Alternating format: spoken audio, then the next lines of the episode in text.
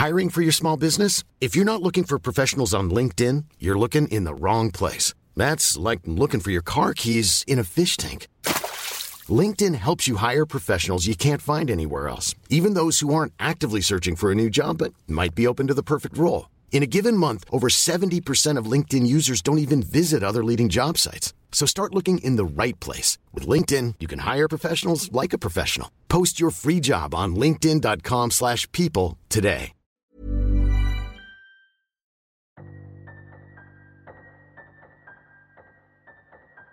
I snötyngd natt, när tomtens skugga smyger, kring granen dansar, där mörka hemligheter ligger.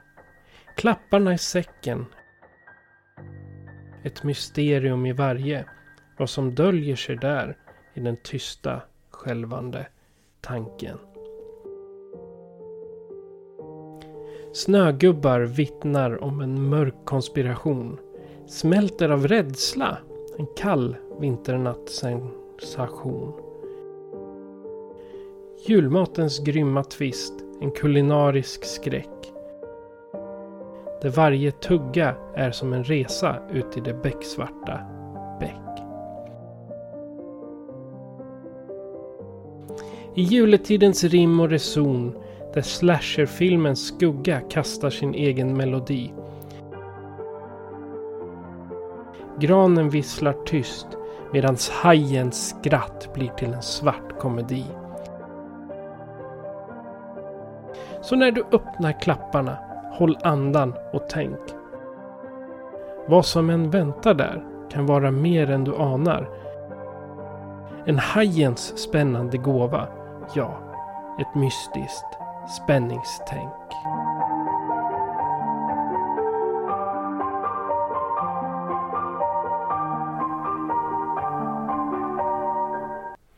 Ho, ho, ho och välkommen till en speciell upplaga av Skräckfilmscirkeln. Det är julafton och jag skulle vilja säga att vi ska sjunga julsånger och blanda det med hemska vrål. Men jag, jag har till, eh, tillräckligt mycket pepparkakssmulor på golvet för att liksom inte göra det. Och idag så är det ju som sagt julafton. Det finns mycket positiva och mycket negativa saker där ute. Men idag så håller vi oss till de läskiga sakerna. Så att eh, Fredrik, eh, klockan är 12. Är du laddad inför eftermiddagen här på julafton? Ja, det är skönt att bara få vara slö och sova känner jag det, det, är då man tänker så här, jag har blivit vuxen. Nej, julafton och allt dess bestyr det har jag kommit över sedan länge. Jag är mer likt Grinchen eller, eller Ebenezer Scrooge, bah humbug. Eh, men det är också så här, för alla har vuxit upp här nu, så nu är det bara systersonen som finns där på fyra år och en Eh, fyraåring är väl mer rimlig att hantera. Så ja, kära värld. Själv då? Eh, jo, jag ska väl åka till min syster och äta. Vi har ju för, för närvarande eh, så har ju vi sju stycken hundvalpar hemma. Så det är inte så mycket att åka iväg om man säger så. Så vi ska fira, vi ska äta lunch hos min syster och sen åker jag hem och äter middag med eh, övriga i familjen. Alla tio blir det ju då. Nio hundar och Patricia. Nu är det ju som sagt jul och eh, vi har inte direkt något tema. Som typ som förra året pratar vi väl eh, Krampus, en av filmerna tror jag. Nej, Eller om det, har... det var året innan det. Vi har inte pratat om Krampus. Nej, okej. Okay. Ja, det, det var först, första julspecialen. Då pratade jag med en Krampus. Uh, och det gick ju sådär för jag hittade den inte. Så det är lite memory road. Vi har överhuvudtaget inte pratat om Krampus. Vi pratade om varulvar det första julavsnittet. Ja, dessutom. Känguruvarulvar. Jajamän. Men har du några trevliga minnen sen, eh, för det här blir ju sista avsnittet på Year of the Shark. Year of the Shark, ja men vi, gjorde gjorde ett dubbelavsnitt här nu eftersom att vi har haft Freddy-franchisen här. Eh, och det är skönt att få någonting nytt här nu och sen ja, tillbaka till hajarnas eh, rike här.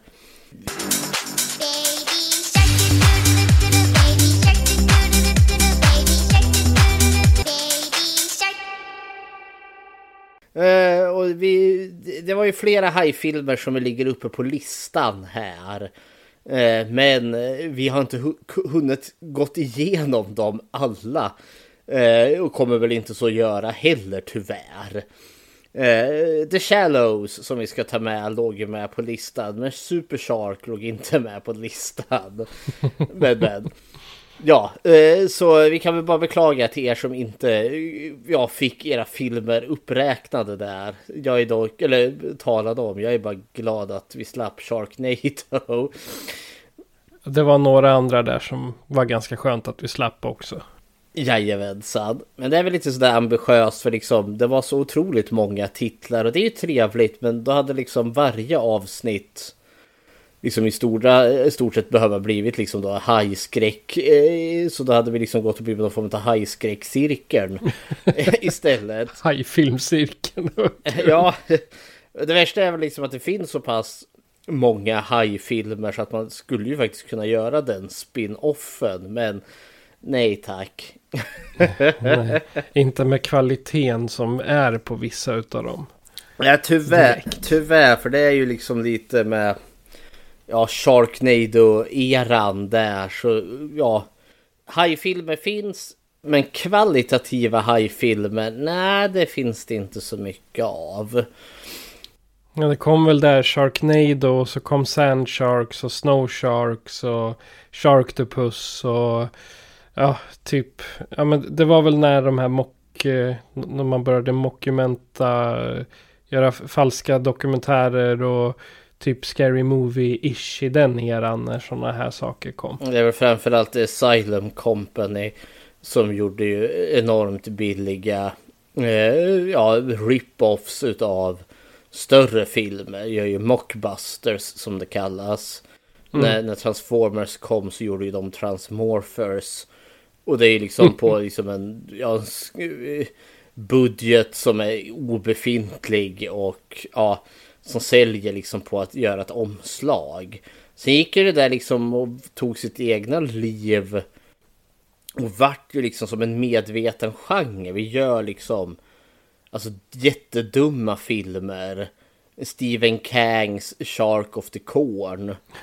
eh, eller House Shark. Eh, och, och liknande. Sharkenstein.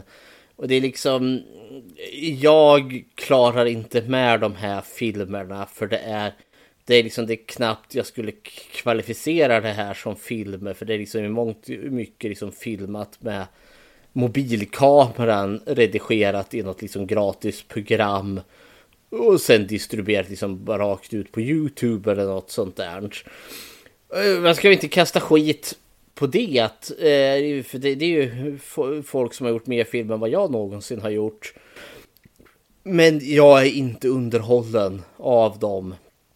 För det allt som oftast brukar problemet vara att vi har liksom icke-skådespelare som står i en, liksom, i en, ja, en totalt liksom platt kameravinkel och så pratar de liksom innan till för de har lärt sig replikerna innan till skådespel, vad är det? Och sen en pissdålig CGI-haj någonstans. Usch.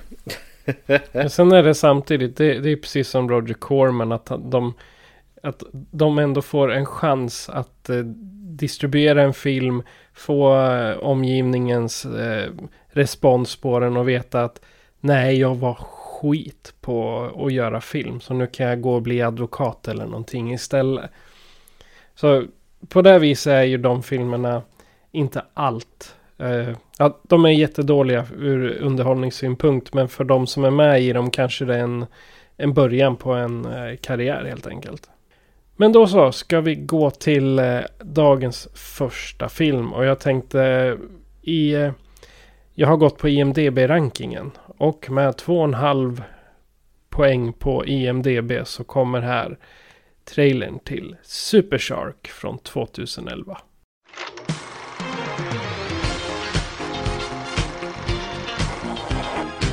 The upcoming 4th of July celebration is going to be one of the largest turnouts in the beach's history. Um, I'm Dynamite Stevens. We're going to have our big Queen of the Beach bikini contest. Something big came out to sea. It was pure panic. Rick, there's a shark! Ah! Your rig was destroyed by a giant shark. It has to be a prehistoric shark. It's been in some kind of suspended animation. Bullets bounce off it. It walks around on its fins and it flies. It's Super Shark. That beach has to be open by the time school gets out this weekend.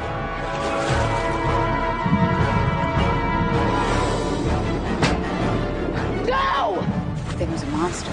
That was the biggest damn truck I've ever seen in my life. It's a special prototype tank. A walking tank? Walking tank for a walking shark.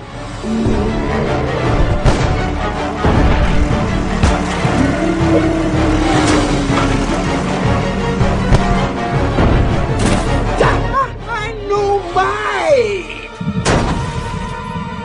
That's one big ass shark. En gigantisk förhistorisk haj terroriserar ett kustsamhälle. Turisterna och invånarna finner det svårt att överlista hajen då den har färdigheten att attackera dem på land och i luften såväl som i vattnet. Det är alltså handlingen eller baksidestexten till Super Shark från 2011. Ja, jag kan ju börja och ge en kort kommentar till den här. Eh, filmen finns gratis på Youtube utan reklam, vilket betyder att den som har den kanalen inte kommer upp i tillräckligt bra kriterier för att eh, få pengar för eh, reklam och sånt. Och Super Shark är en väldigt billig film. Eh, det är en budgetvariant av JAS, eller budgetvariant, herregud, en Wish-variant utav JAS. Och om det här vore en eh, ett par strumpor så skulle jag ha kastat dem i soporna för länge sedan. För de kom levererade med ett hål för stortån. Då så, det var en min, mina in, inledande eh, å, åsikter kring den här. Hur känner du? Det får jag också förklara för det här är ju julklappsbytesavsnittet och det var ju du som valde Super Shark. Hur tänkte du när du valde Super Shark? Jag tittade på trailern och tyckte den såg relativt rolig ut. Det var största bekymret. Och ja, det är väl det. There's more than, than meets the eye så att säga. Så att hade jag då tittat steget längre och kanske hittat den här filmen på YouTube och tittat lite noggrannare på IMDB så hade jag ju sett att den är liksom sån här du gräver upp i reakorgen på en bensinmack typ. Så det här var egentligen bara något som jag tyckte såg coolt ut på en eh, trailer. Och så här, vi har sett den förut men jag har inte tänkt på hur, hur kasten är egentligen. Men det, det kommer vi till sen. Jag gav dig julklappen. Vad, vad tycker du om min julklapp? Ja, du får tillbaka den. Det här är skit. ja, nej, alltså det här är en film som... Eh, alltså, bara jag såg omslaget så kände jag, åh nej. Det är en sån här film. Alltså jag, jag har ingen glädje i de här filmerna. Eh, för att det här är en film som försöker vara så dålig så den blir bra. Grejen är det att det, du kan aldrig lyckas med det. Att så dåligt så det blir bra filmer. Det är filmer där filmskaparna medvetet försöker skapa en bra film. Men på grund av deras totala inkompetens misslyckas de kapitalt. Den här är för medveten om vad den är. Och det är heller inte på det sättet, jag tänker vi, har pratat om Troma innan. Det är ett bolag som medvetet gör dåliga filmer. Men de har en specifik stil, en specifik alltså sätt utav humor och viss talang. Mycket tack vare Lloyd Kaufman där som har ledit det här bolaget i över 40 år nu. Eh, och där finns det liksom någonting. Det finns ett visst kunskap, en viss know-how och en viss liksom krasshet till de här, till, till Tromas filmer. Som gör liksom, ja men de kan bli trivsamma, de kan vara roliga att se. Så en traumafilm återvänder jag liksom mycket hellre till än en sån här typ av film. För de, de är platta, tomma och innehållslösa i mångt och mycket. Dock var Super Shark hade den lite mer än vad jag hade förväntat mig. För jag gick in med, alltså jag hade redan sågat filmen innan jag ens sett den. Jag såg inte ens trailern, jag såg postern och ja, beslutade mig för att den här filmen är skit. Så jag fick lite överraskningar ändå, men i mångt och mycket var det liksom vad jag trodde det skulle vara. Fast det, är egentligen det, det snyggaste med den här, eh, den här filmen är egentligen postrarna och eh, coverarten som finns. Och tyvärr så är det väl att när det är en sån tecknad och inte outtakes från själva filmen. Då har det ju, det har ju någonting med själva filmen att göra. Att man kanske inte vill visa upp hur screenplayen är. Ja men det är ju lite som, alltså det är ju en del i det här som Shark of the Corn. Alltså det är också en helt fantastiskt omslag. Det är nästan det enda de där filmerna har. Som utlovar någonting liksom stort och spektakulärt och så är det allt annat än. Och det är väl lite, alltså Shark of the Corn, eh, den kom ju i år om jag inte tror, om jag inte missminner det, det är fel. Medan Super Shark, den kom ju 2011. Så jag tänker att Super Shark, där då var det mer liksom genuint, man liksom skulle sälja den här oh, liksom det här fantastiska eh, äventyrsmonsterfilmen. Medans, eh, och så är det bara billigt skräp. Eh, men det har liksom i sin tur födit fram de här Raiders of the Lost Shark, eh, med Shark of the Corn, House Shark och de där filmerna. Där de så medvetet liksom gör då ett herrejösses omslag. Och så är det liksom kanske en, en, film med mycket, alltså om möjligt en mindre budget än vad Super Shark har. Så det, liksom, det har blivit alltså Super Shark och dess gelikar, Sand Shark, Snow Shark och alla de där har skapat en annan subgenre utav väldigt medvetna, ja inte ens B utan C, Ö-filmer. Verkligen gjorda då utav superamatörer. Och liksom för jag tänker nog Super Shark har väl ändå så ett bolag någonstans i grund och botten. Eh, någon distributör. Eh, medans, säg Shark of the Corn och liknande filmer, där är det verkligen en privatperson och hans glada vänner som har gjort det. Så här befinner vi oss ju fortfarande i någon form av, ja, där det fortfarande finns en studio och det faktiskt finns skådespelare med. Det är inte liksom som om du och jag och våra glada vänner springer ut i skogen med våra mobilkameror och gör liksom, inte vet jag, Woodshark. Och så springer vi omkring utan manus och improviserar fram våra repliker. Vilket det här liksom evolverade till. Vilket jag tycker är en ännu lägre, eller det som jag tål ännu mindre. Och då tål jag knappt de här filmerna och då är det så Super Shark då steget över de filmerna. Sci-Fi har faktiskt varit med och producerat eller distribuerat de här i Storbritannien. Och sen hade den tre produktionsbolag. Och sen var det något i USA. Boomgates, Retromedia och Synthetic. Ja, Synthetic Filmverks, det är ju tyskt. Ja, men jag tror det här är lite i kölvattnet av den framgångar som just eh, Sharknado ändå så hade. För den, eh, även om jag nu pissar ganska rejält på Sharknado så hade den åtminstone ett koncept. Och är liksom, den är så här mer, alltså det är en komedi och liksom hajar i en tornado.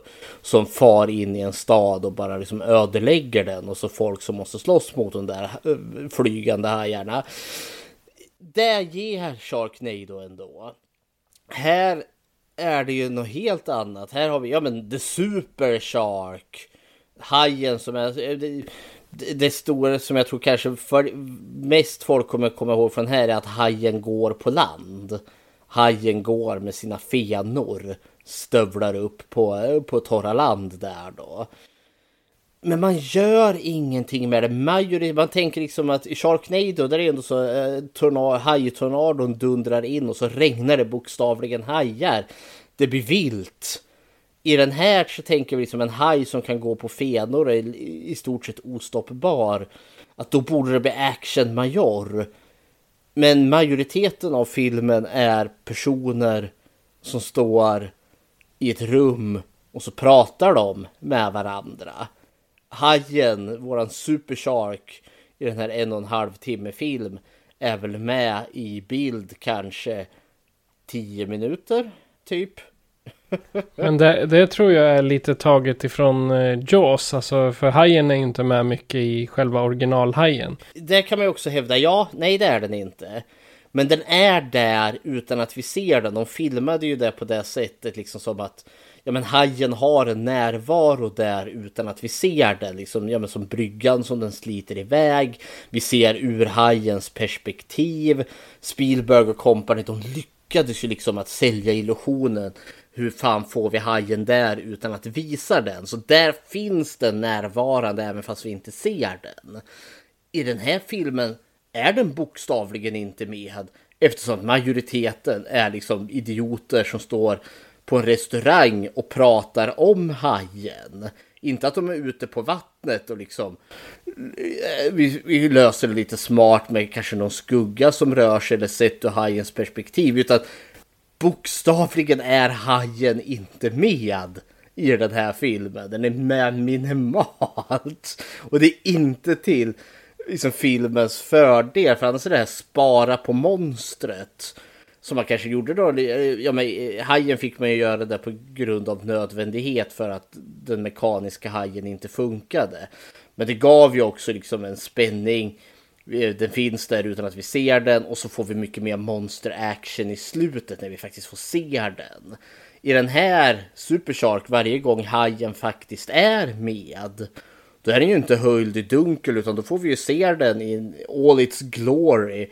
Alltså det, det, är, det är ingen hemlighet liksom när hajen väl är med utan då får vi se den full on. Så ja, mm, nej usch vad det här är dåligt. Jag hittade en av, en av karaktärerna, eh, ska vi se, Greg, han eh, livräddaren. Han, eh, det är ju Shane Van Dyke heter han. Och efter en, nej det här är inte första filmen han har gjort i den här kvaliteten. För han har, nu ska vi se, Shark Swarm, Transmorphers, Paranormal Entity, Six Guns, Titanic 2 och Super Shark. Det är hans senaste filmer. Så det verkar vara sådana här eh, mockbusters som han har siktat in sig på. Eller siktade in sig på. Nu, eh, jag tror inte han skådespelar längre. Nej, det, det är ju samma när jag är inne och kollar på regissören här. Eh, nu ska vi se, vad heter han? Fred Olen Ray. Och det är också liksom så en uppsjö utav ja men, eh, billiga tv-filmer. Han verkar som att han, han har blivit upptagen av Hallmark här. För det verkar som att han gör mängder med så julfilmer. Så han, han har tryggat sin framtid här helt klart. Mm. Han, eh, han gör ju Hollywood Chainsaw Hookers. Uh, Evil Tunes. Jag bara bläddrar lite snabbt. Evil Spawn. Uh, Biohazard. My mycket sådana här billiga. Ghost in a teeny bikini. Vart hittar du dem? Ja. Hur långt tillbaka är du nu i hans? Nu? Nej, på... Om man går in på... Eh, vad heter det? På, på högersidan när jag var inne på IMDB så stod det The Horrors of Fred Dolan Ray. Jaha, se där. Det var en lista. En användarlista som jag tittade på. Så då var det lite olika. Men han har gjort lite smått erotiska filmer också. Jo, det är mycket. Haunting Desire. Ja men titta det är mycket riktigt där 88 Hollywood Chainsaw Hooker. Så det är jävla trist då. För, för det är ju ändå så en ganska kultig och rolig skräckkomedi. Mm. Den har jag faktiskt på 88 films. Ja. Slasher Collection. Nej men jag ser liksom hans tidigare. Han är ändå så med. I hans tidiga då har vi lite mer så kultiga skräckfilmer och sådana saker. Men sen har han verkligen fallit liksom. Han är ändå så. Han, han är regissör till 164 filmer. Och då, då är det liksom. Nej, Hitchcock under sin levnadsperiod. Han, han gjorde väl kanske 60-70 filmer. Och det är ändå så liksom en mästerregissör. Eh, han har ju då liksom klott Hitchcock med typ 100 titlar. Men det skvallrar ju också om att det är liksom inte 100 kvalitetsfilmer utan det är liksom vi kavlar ut något skit på en vecka här. Det är liksom en man som jag tänker säga, liksom, han gör, ni ska se här nu. Han gör skitfilm. Han lever på att göra skitfilm. Jag menar bara Su Super Shark var ju filmat, tog en månad att filma. Ja, men jag ser här 2018 regisserade han nu ska vi se, en, två, tre, fyra, fem filmer på ett år. ja, ja, det är två månader per film. Ja, så, ja. kära värld. Väldigt mycket förarbete där kan jag känna. Mm -hmm. Nej men det, det skvallrar lite om kvaliteten vad det här är för en typ av film. Men vi rör oss fortfarande i att det finns fortfarande någon form av kvalitet här i form av skådespelartalang. Lite budget ändå. Lite försök till någon form av karaktär. Eller karaktärer. Eh, men sen, ja, kommer ju det balla ur totalt. Tills att vi får de här ja, noll kronors produktionerna. Men vi är inte där ännu, tack och lov. Nej, jag, jag tänkte på han Tim Eb Abel. Spelar skipper. Han på båten. Ja. That, that's a big shark. Mm. Han är ju väldigt eh, välrenommerad också. Han har väldigt mycket titlar som är ganska stora. Ja, han är ju med i, ja jag ser första som dyker upp här. Hans tre första är ju eh, When We Were Soldiers med Mel Gibson. The Suicide Squad eh, från 2016. White House. Ja, där är en additional crew ja, bara. Men White House Down, Independence Day. Så det är liksom... Mm. Han har ju jobbat på lite större produktioner i alla fall. Även fast de du rabblade nu var han bara additional crew på. Jo men för visst, det är ändå så liksom, ja visst additional crew, han var väl liksom de skådespelare som sprang i bakgrunden där då när utomjordingarna blåste New York åt helvete. Independence ja. Day eller något sånt där. Och Independence Day 2 till och med. Jaha, åh nej, usch vad hemskt. nej men han är ju också först, det är ju liksom, han har ju top billing för han är väl liksom den dyraste av skådespelare i den här filmen. Ja. Men jag tänker liksom av just de karaktärer vi har, då är det ju han, Skipper. Och han går väl tillsammans med karaktären Jill. Eh, som är då den här report... Nej, hon är inte reporter. Hon är... Nej. Hon är ifrån någon eh, typ CIA-forskning. Eh, hon är från någon statlig enhet. Som, eh, fast hon har egentligen blivit sparkad därifrån. Hon har ju det. Hon, har, hon flänger ju upp något som, som ser ut som någon FBI-bricka. Men det står något så... Uh, oh, FBI, eller OBI, Ocean Bureau of Investigation. Ja, jag tror det är något sånt. Ja, eh, som vi senare får reda på att hon har fått sparken ifrån för att hon, hon, hon tror för mycket på sitt jobb och därför är eh, eller det var brorsan hennes som dog eller var det maken hennes som dog? Jag kommer inte ihåg, jag var totalt ointresserad. Nej, det var, det var hennes, hennes bror som dog i någon olycka av något slag. Och så på grund av... På, nej, han dog av en oljetanker. Om man var så påkörd var eller om man var på tanken. Det, det, det var alltså, det är därför hon arbetar då mot miljöbrott här nu då. Ja, hon eh, har riktat in sig på petroleumbolagen. Så var det ja, men hon är för på så därför fick hon sparken. Uh, utöver dem, för det är Jill och Skipper, det är väl våra huvudpersoner om jag skulle... Om jag tolkar det här rätt, de är åtminstone med tills filmen är slut. För sen har vi ju livräddargänget. Greg, Tyler och Carly. Eh, och de är ju med i mittenpartiet och sen blir de uppätna. Så de tillförde filmen noll och ingenting. Nej, precis. Och... Tjejerna de, de stod bara där med nipsen rakt ut. Det känns som att de var där bara för ja, det. Men, ja, gud ja. För det är liksom... Om vi ska gå in på nipsen här. För det här är ju en väldigt liksom kåt film. På det sättet. För det, ja. när, man, när vi inte visar haj. Eftersom man inte visar hajen särskilt mycket i den här filmen överlag. Så är det ju istället liksom kvinnor i baddräkter istället. Det är mycket mer... Ja, den sexualiserar ju väldigt mycket. Gud ja, för det är liksom antingen så har vi kvinnor som ligger på badstranden med någon form av sommarpoplåt som dunkar i bakgrunden och vi liksom Eh, zoomar in på arslet och vi zoomar in på tuttarna. Eller så är det de livräddarna där då i sina, liksom, ja men Pamela Anderson, Baywatch, eh, vad heter det, direkt där då. Och då har man ju också då liksom kylt ner brösten så att liksom bröstvårtorna sticker fram som liksom spjut under dräkten där.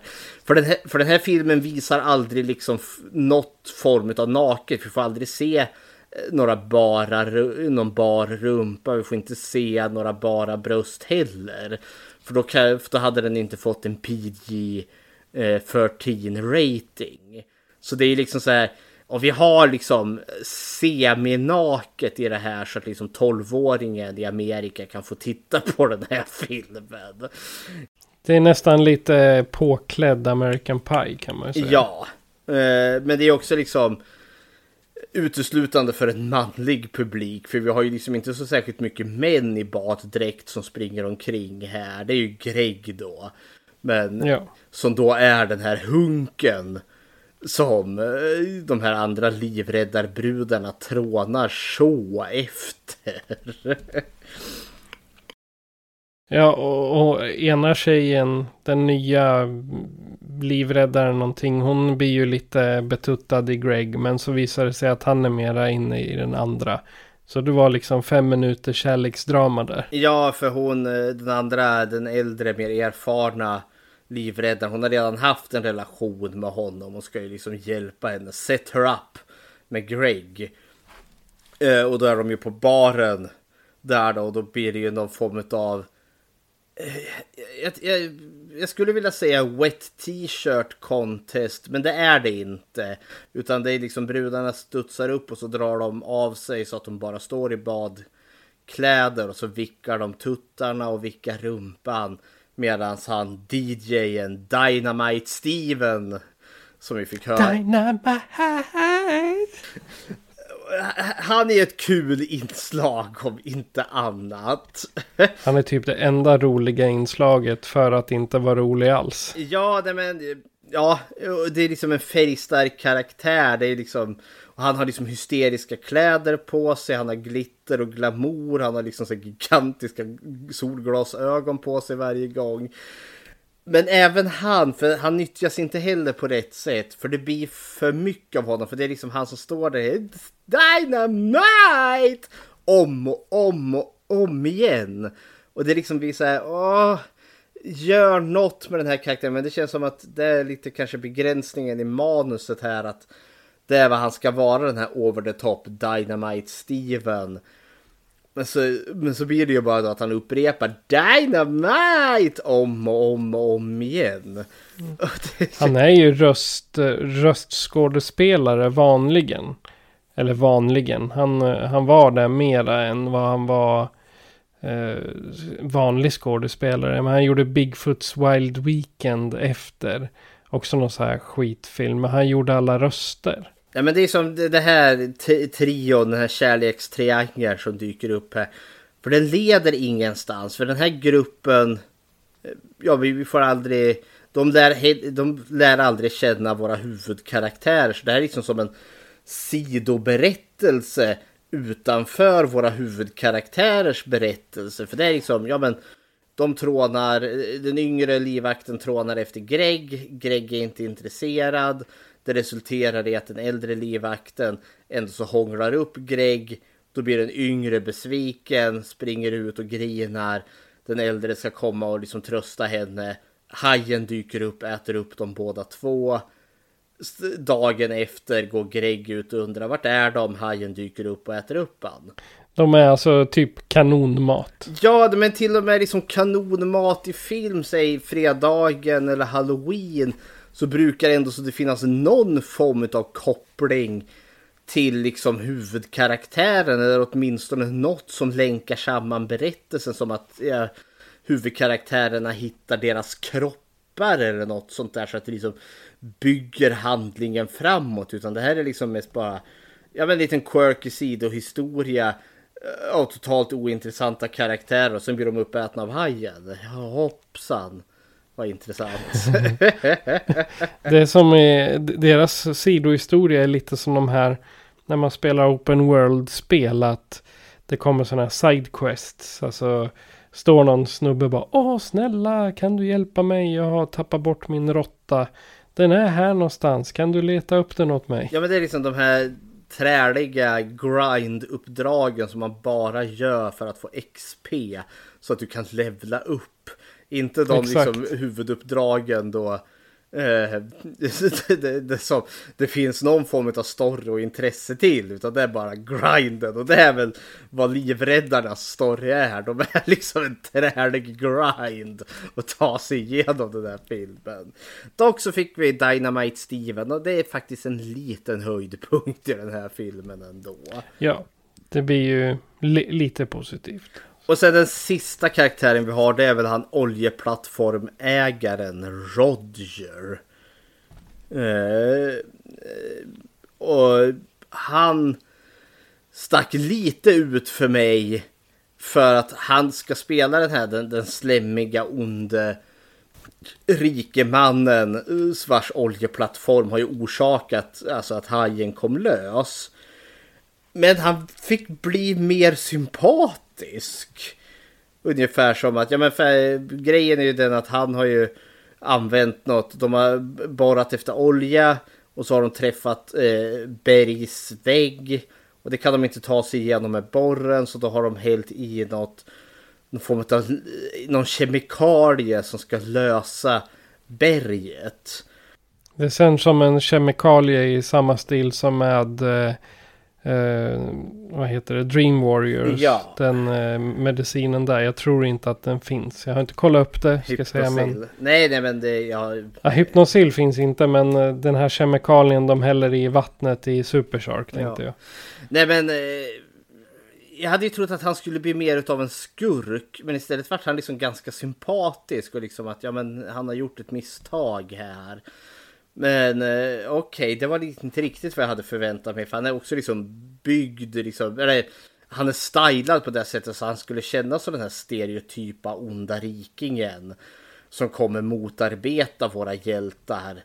Eh, från ovansidan som kanske behöver försöka bli av med hajen. Liksom tysta ner det här för det kan skada hans företag. Men istället så är han liksom förvånansvärt öppen. Liksom, ja, nej, men det här var ju inte bra. Och det är liksom, vi får ju ta ansvar för det här. Och liksom, jaha, okej. så kul på det sättet. Men Han kommer dagen efter med en väska pengar. ja, det gör han ju också. Han, han, han mutar ju henne faktiskt. Och hon tar ju mutan trots allt. Ja, fast hon eh, säger att nej, jag tänker göra, eller jag kommer säga i alla fall, typ. Så bara, men nu har jag ändå pengar. Ja men då tänkte jag liksom att ja men då lär, i och med att hon, hon tar hans pengar och säger att jag ska ändå så göra, jag ska, jag ska avslöja det i alla fall. Då trodde jag, ja nu kommer han skicka mördare efter henne på ett annat sätt liksom. Eller sabotera hennes bil eller något sånt där så att hon liksom bromsarna inte funkar. Men nej, det händer ingenting. Han bara försvinner. Han bara försvinner eh, och... Brr, Eh, ja, han hade väl kunnat varit med och kanske liksom han nu hade fått så dåligt samvete för det han har gjort. Engagera sig i kampen mot hajen. Det hade väl varit något. Eller då vara ett hinder mot dem att försöka eh, liksom avslöja hajen här. Men för det, det finns ju potential att det kan hända någonting i den här filmen. Att plötsligt får vi en slagsmålscen eller han skickar en lönnmördare eller liksom Lönnmördare och ta ut hajen. Ja, nej men ta ut eh, hon eh, eh, Ocean-forskaren där och eh, Skipper. Men nej, det händer inte. Istället har vi liksom bara scener där liksom han, ja, han mutar henne eller så sitter de och äter frukost eller han eh, häller upp en, ett glas vin till henne. Det är liksom... Det händer ingenting. De sitter och pratar om saker och ting som har hänt. Men det händer ingenting.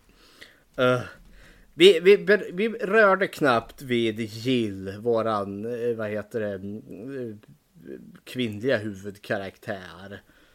På sätt och vis hjälte, men jag kan inte tycka att hon är så mycket hjälte. Nej, hon, det är också en ganska platt karaktär också, för det är hon och Skipper. Och de ska ju vara omaka par. Hon är liksom den här eh, affärskvinnan eller storstadskvinnan som eh, styr med hela handen liksom. Nu gör vi så här, bapp, bapp, bapp, för hon är eh, en actionkvinna här då. Liksom, nu händer det saker och Skipper lite mer den här Han Solo-eska karaktären. Liksom. Jag bor här på min båt och är lite havig och lite lovable, uh, lovable scamp. Jag tänker mera som han eh, i, eh, i riktiga Jaws, den fiskaren. Han bor ju också på sin båt. Quint. Ja, precis. Quint. Han, eller han bor ju på en båt. Kanske inte, inte den... Den, we're gonna need a bigger boat. Den stilen. Den båten bor han inte på. Men han bor lik förbannat på en båt. Ja, nej men han ska försöka. Han ska ju vara ett kärleksintresse. Så han kan ju inte vara en Quint. För Quint är liksom en instabil traumatiserad man. Och ett fyllo också. Och ett fyllo. För det, det, hade varit roligare om det hade varit så. Att han hade varit eh, liksom en Quint-esk karaktär. För då hade det blivit lite mer intressant. Istället är han ju lite mer den här, ja men lite den här roliga, mm, lite lättsamma mannen där. Och det är ganska trist. För liksom, ja. För sen när de väl liksom hamnar i, i händelsernas centrum. Det är inte så mycket som görs heller. För det är liksom slutstriden är ju verkligen hon, hon springer längs stranden där och han ska försöka distrahera hajen. Och då ställer han sig på en sten och så viftar han med sin näsduk eller om det är hans jävla cowboyhatt. Ah, over here och hajen liksom springer förbi han. Det var allt. Han bryr, bryr sig inte för fem. Nej, det var allt som hände där liksom. Wow, vilken hjälteinsats här. men, det är så här, man, manligheten mm. bara faller ur skorna. Men det jag ska ge dem här är att det här ändå så är samtliga skådespelare, samtliga karaktärer här ändå så spelade av personer som åtminstone habilt kan skådespela ändå. Exakt. För jag tänkte när vi gick igenom det här som var det, det positiva som överraskade mig lite när vi gick igenom Sand Shark och Snow Shark. Där snackade vi liksom eh, sämre skådespel. Där känns det verkligen mycket jag har lärt mig replikerna innan till från manus. Jag levererar dem mest fonetiskt utan liksom inlevelse. Jag liksom, det matchar inte mitt liksom, ansiktsmimik, min kroppsspråk. Inte alls.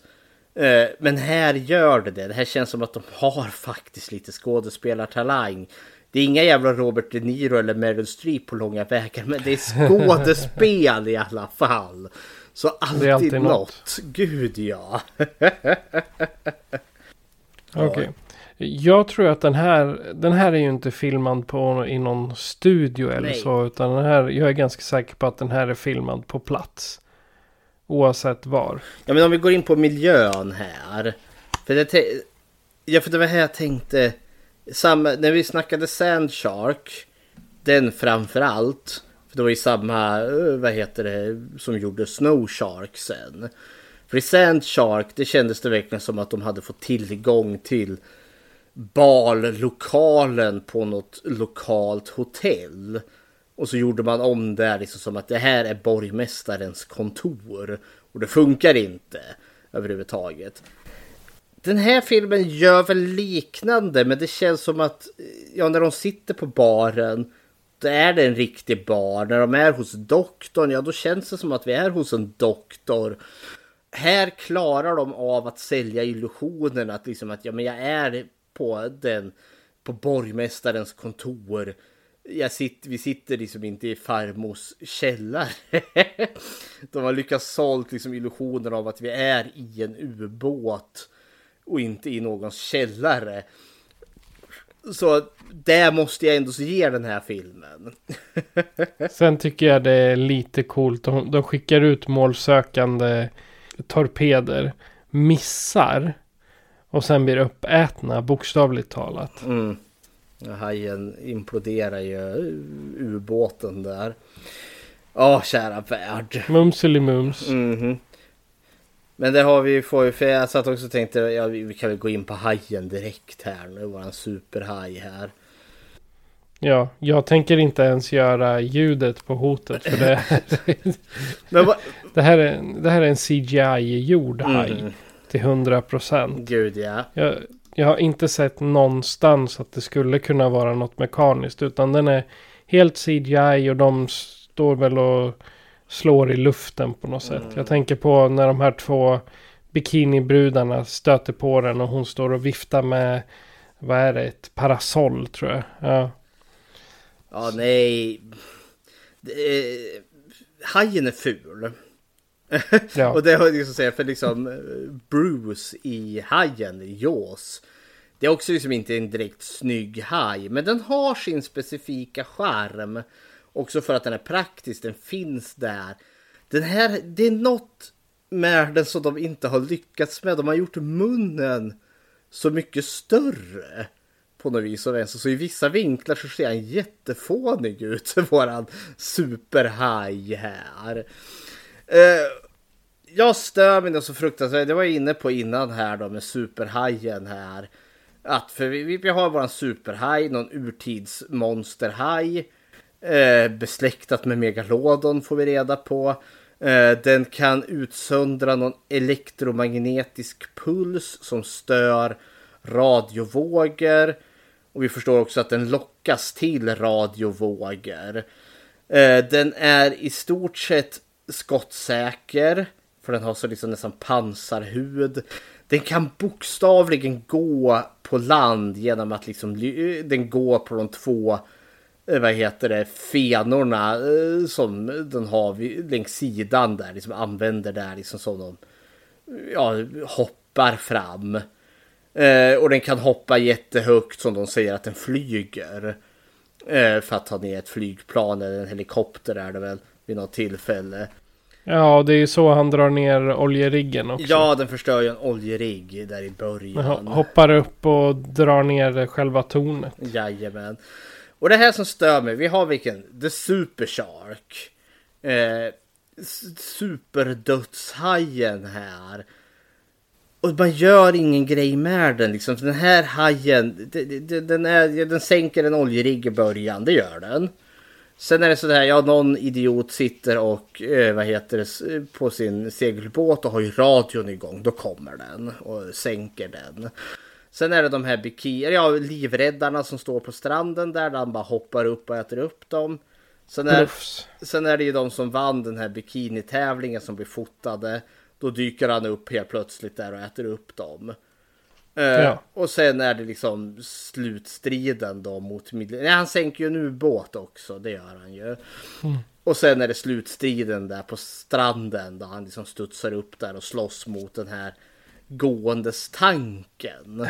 Kan vi prata om eh, vapnena i slutstriden? Ja, do it. En gående pansarvagn. Det sitter någon snubbe i och styr den. Men eh, jag måste säga att han, han kan inte ha haft mycket träning i artilleri, i artilleriskjutning. Han säger pang! Och så blump. Typ 20 meter bortom om själva hajen. Och ändå står hajen över, över tanken. Ja, den hoppar ju förbi. Varje gång han skjuter så hoppar ju hajen. Så han missar ju hela tiden. Ja, och då undrar man ju liksom hur inkompetent är man då? För är de professionella, de är ju elitsoldater, det säger de ju. Och we, we are marines och han kommer med den här hypermoderna gå-tanken. Men på tal om det, de här elitsoldaterna, de, de har ju den amerikanska flaggan sydda på västen. Men vi vet ju hur den amerikanska flaggan ser ut. Mm. Men något var ju fel med den. För vi har ju liksom, ja, men den är ju vit, röd och vitrandig och så har den här blå, eh, vad heter det, rektangeln där. Som sitter uppe i vänster hörn med alla vita stjärnorna, en för varje delstat. Men i den här så satt ju inte den här blå rektangeln i det vänstra hörnet, den sitter på det högra hörnet. Oj då. Vilket, Vilket land fick- pratar vi om då? Ja, nej, men jag, jag var jätteförbryllad över det. Att Jag, jag tänkte, är det här någon sån supermiss? Hur får du, beställde de in ett dåligt parti? Eller har Amerika liksom de spegelvända? Jag, att när man är soldat så då är den spegelvänd. Jag sak samma. Jag störde mig på det för det kändes dumt. Ja, nej, ju- USA ska ju ha flaggorna uppe till vänster. Eller Mm. stjärnorna uppe till vänster. Ja, Så. Sitter den uppe på höger istället? Det, Ja, det var, det var ing, ingenting jag tänkte på. Det kan ju vara, det kanske ska vara ett elitförband av något slag. Inte för att de är särskilt elitiga, men för i slutändan är det som i alla andra sådana här monsterfilmer att det är två civilister som räddar dagen. Ja, jo, de genom att slänga in lite C4 i truten på den och spränga den. In i... Splash! Ja, och sen, men tonen med den här filmen, vad är det de far efter? Vi har striden mellan hajen och tanken. Och då har vi också en tank som inte går på larvhjul utan den går den, som, som en häst. Den har fyra ben som kommer gåendes där. Och, då ser, och- det, det är liksom till och med det första vi får se i filmen. Vi inleder filmen med striden mellan tanken och hajen. Men istället för att se hur striden slutar så klipper vi liksom eh, och eh, till, till en black screen och så får vi se liksom en vecka tidigare. Så vi liksom förstår liksom vad som komma skall. Och det är ju Sanias All Hell, liksom en jävla tank som går. Som slåss mot en haj som också går. Det känns som att då, då är vi liksom, har vi lagt upp för liksom en, en komedi till film. Liksom en jävla spoof-film. Att det här borde vara vilt och dumt. Det går åt skogen helt Det enkelt. gör ju det, för liksom majoriteten av filmen är inte så här. Utan majoriteten av filmen är personer sitter och pratar på en bar. Eh, ja, den sänker en ubåt, eh, attackerar en segelbåt vid något tillfälle. Inget av det är zany, inget av det är galet. Så som en haj som går på, på sina fenor. Alltså det här borde vara en komedi, alltså, det borde vara så jävla överdriven den här filmen. Vi borde ha hajen in, hoppandes in på en sandstrand full med folk och äta folk till höger. Jag vill ha hajen som hoppar in i en stad, liksom hoppar in i borgmästarens kontor och äter upp honom. Jag vill ha hajen som klättrar upp för Empire State Building hållandes en skrikandes kvinna i en av sina fenor. Eh, Sharkzilla. alltså. Ja, nej, men liksom gå hog wild. Men det är det Ja. man inte gör. Med den här Nej, de, filmen. alltså, den här filmen försöker ju vara seriös. Eller det, det försöker den nog inte. Men det känns som att han försöker att de ska bete sig seriöst. Ja, och det, det finns ingen komediaspekt med. För liksom det som är zany, lite crazy är att hajen går. Och sen är det liksom kvinnor i baddräkt. Det är vad filmen har.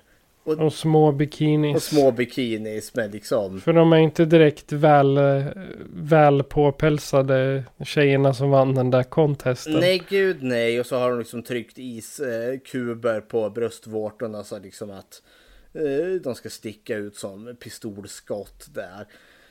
Ah, mm, ja, Ja, nej det, det var en eh, redig sågning av den här och med all rätt kanske vi ska säga. Eh, har du gjort Bechteltest på den här? det har jag. Nu ska vi se här. Bechteltestet är om kvinnlig representation på film och vi för ju tesen att eh, skräckfilm är faktiskt det som klarar det bäst trots att den rättmätigen får också mest kritik. Eh, fråga nummer ett. Finns det två eller fler eh, namngivna kvinnliga karaktärer? Ja, det gör det. Vi har vår huvudperson Jill. Eh, som eh, ja, ja, eh, håller på att undersöka varför oljeriggen försvann där. Och sen har vi badvakterna Tyler och Callie. Möter de någonsin varandra? Ja, Tyler och Callie möter varandra när de är ute och eh, livräddar och har sig och sen när de är på baren. Sen. Fråga nummer tre. När de träffar varandra pratar de då om någonting annat än män? Och nej, det gör de inte för det är Tyler och Callie och Callie där är ju så betuttad i Greg och talar liksom oh hur vad snygg han är och liksom vill ju få Tylers råd som har varit ihop med honom innan. Och ska vi få en dejt med honom? Vad ska jag säga? Vad ska jag göra? Så nej! Super Shark klarar inte Bechdel-testet. Då så, det var Bechdel-testet till Super Skit Super Shark från 2011. Eh, när det gäller Super Shark så eh, jag, vid, jag vidhåller att det är en skitfilm. Eh, om man är flera, har lite öl och har varsin skål chips. Då kan det funka att se den här på en fest. Jag, jag drar mig till att, eh, att sätt, lägga den här under chips och ölfilmer. I, I så. Men det är ingenting om man vill se en relativt seriös film. Då ska man ju vända sig snarare till hajen i sig.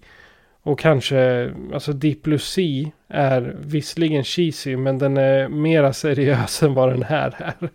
Och framförallt lite bättre effekter där. Och bättre skådespelare för den delen. Men eh, ja, du vet redan vilket betyg jag kommer sätta och det är en etta. Mm. Så är det.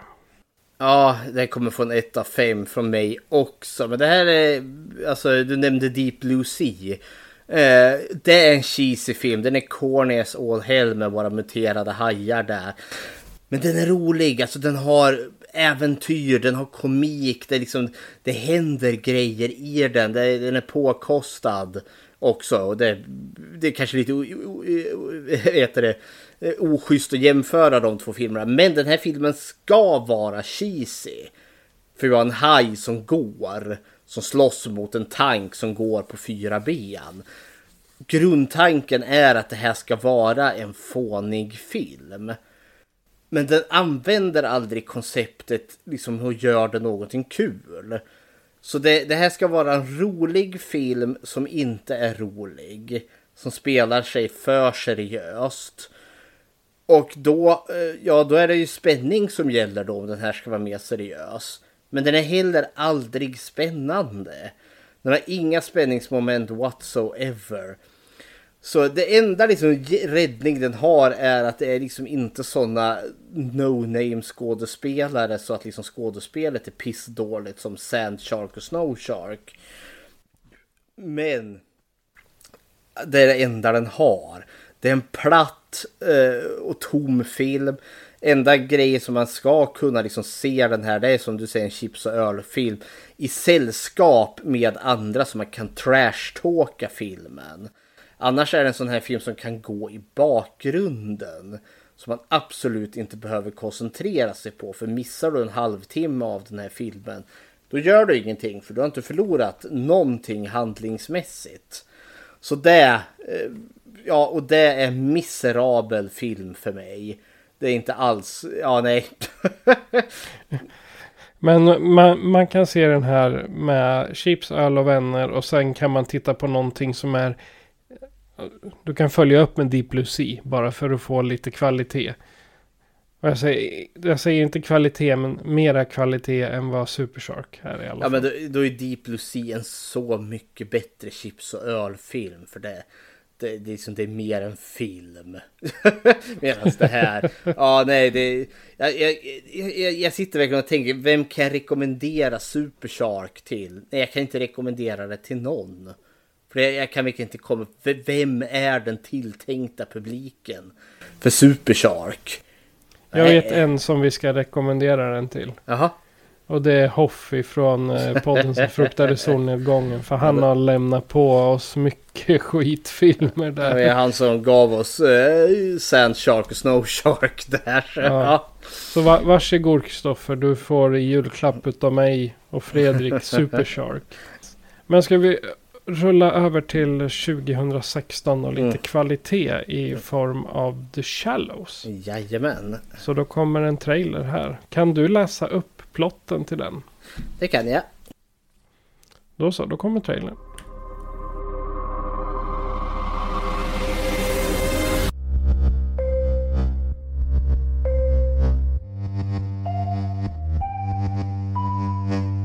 Learning to be self reliant takes time and hard work. These are the steps assume responsibility, know where you are going, make your own decisions. Yes, sir. It's hard work to become self reliant. Any one of us could use a bit more than we have. If you're not self reliant, you'll never do any more than just get by.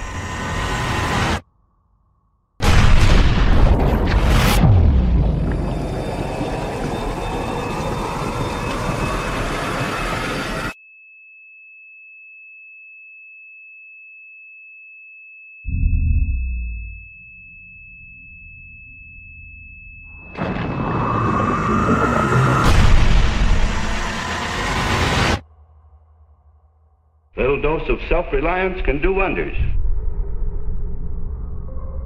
Now you may think that's the end of the story. Actually, it's only the beginning.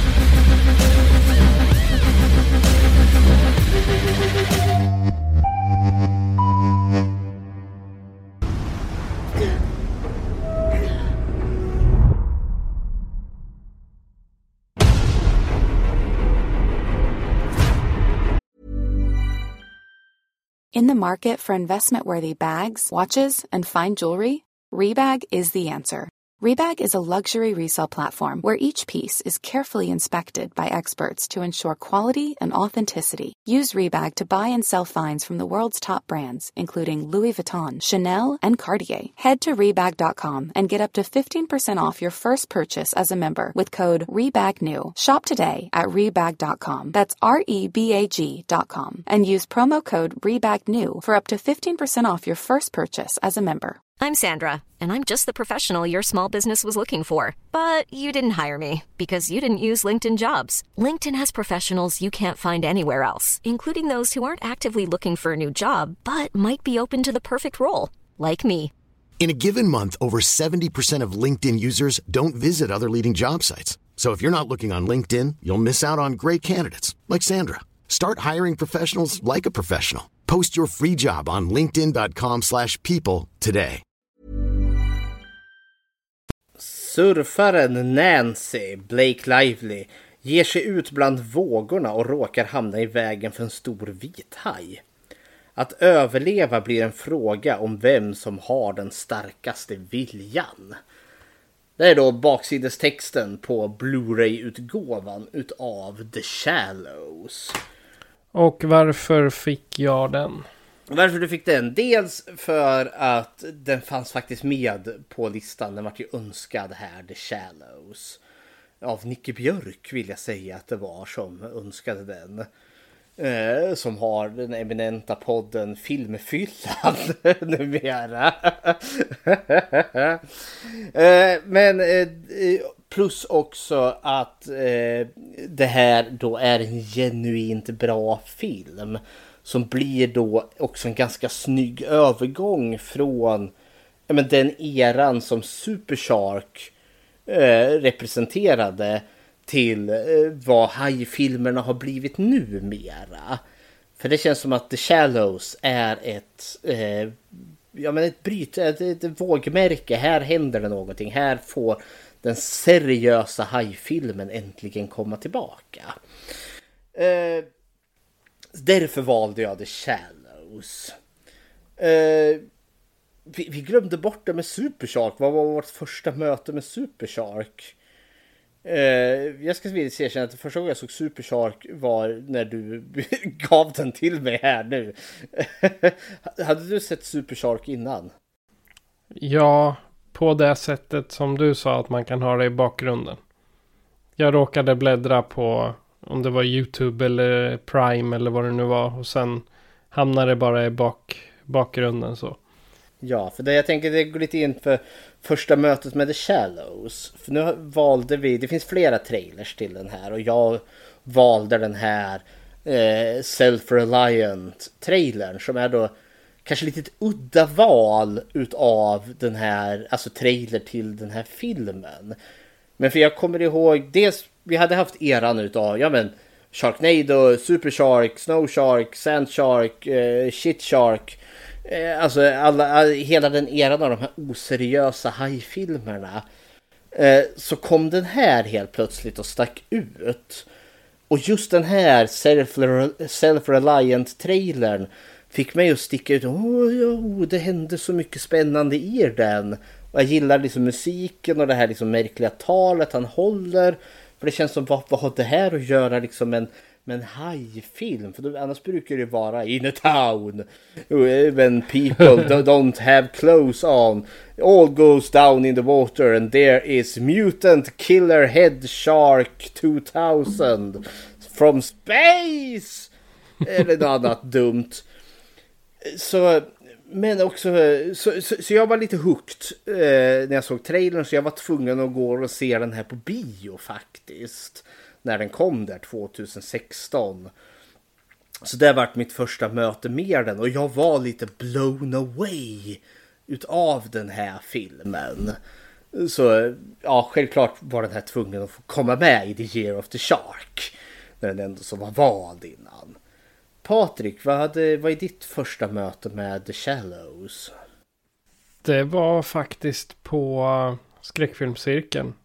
Studiecirkeln när vi hade eh, survival horror tror jag du kallade eh, omgången. När man pratade om exempelvis eh, vad heter det, den, den sista färden. Eh, vad sa vi, alla dessa krokodilfilmerna som finns. Eh, The Shallows. Ja, sådana filmer. Det vet jag vi hade en hel kväll om. Uh, och just The Shallows är nog en av de bättre survival-filmerna. Måste jag säga. Ja, en film där fokuset faktiskt ligger på men säg eh, att karaktären är satt i en svår situation och måste överleva.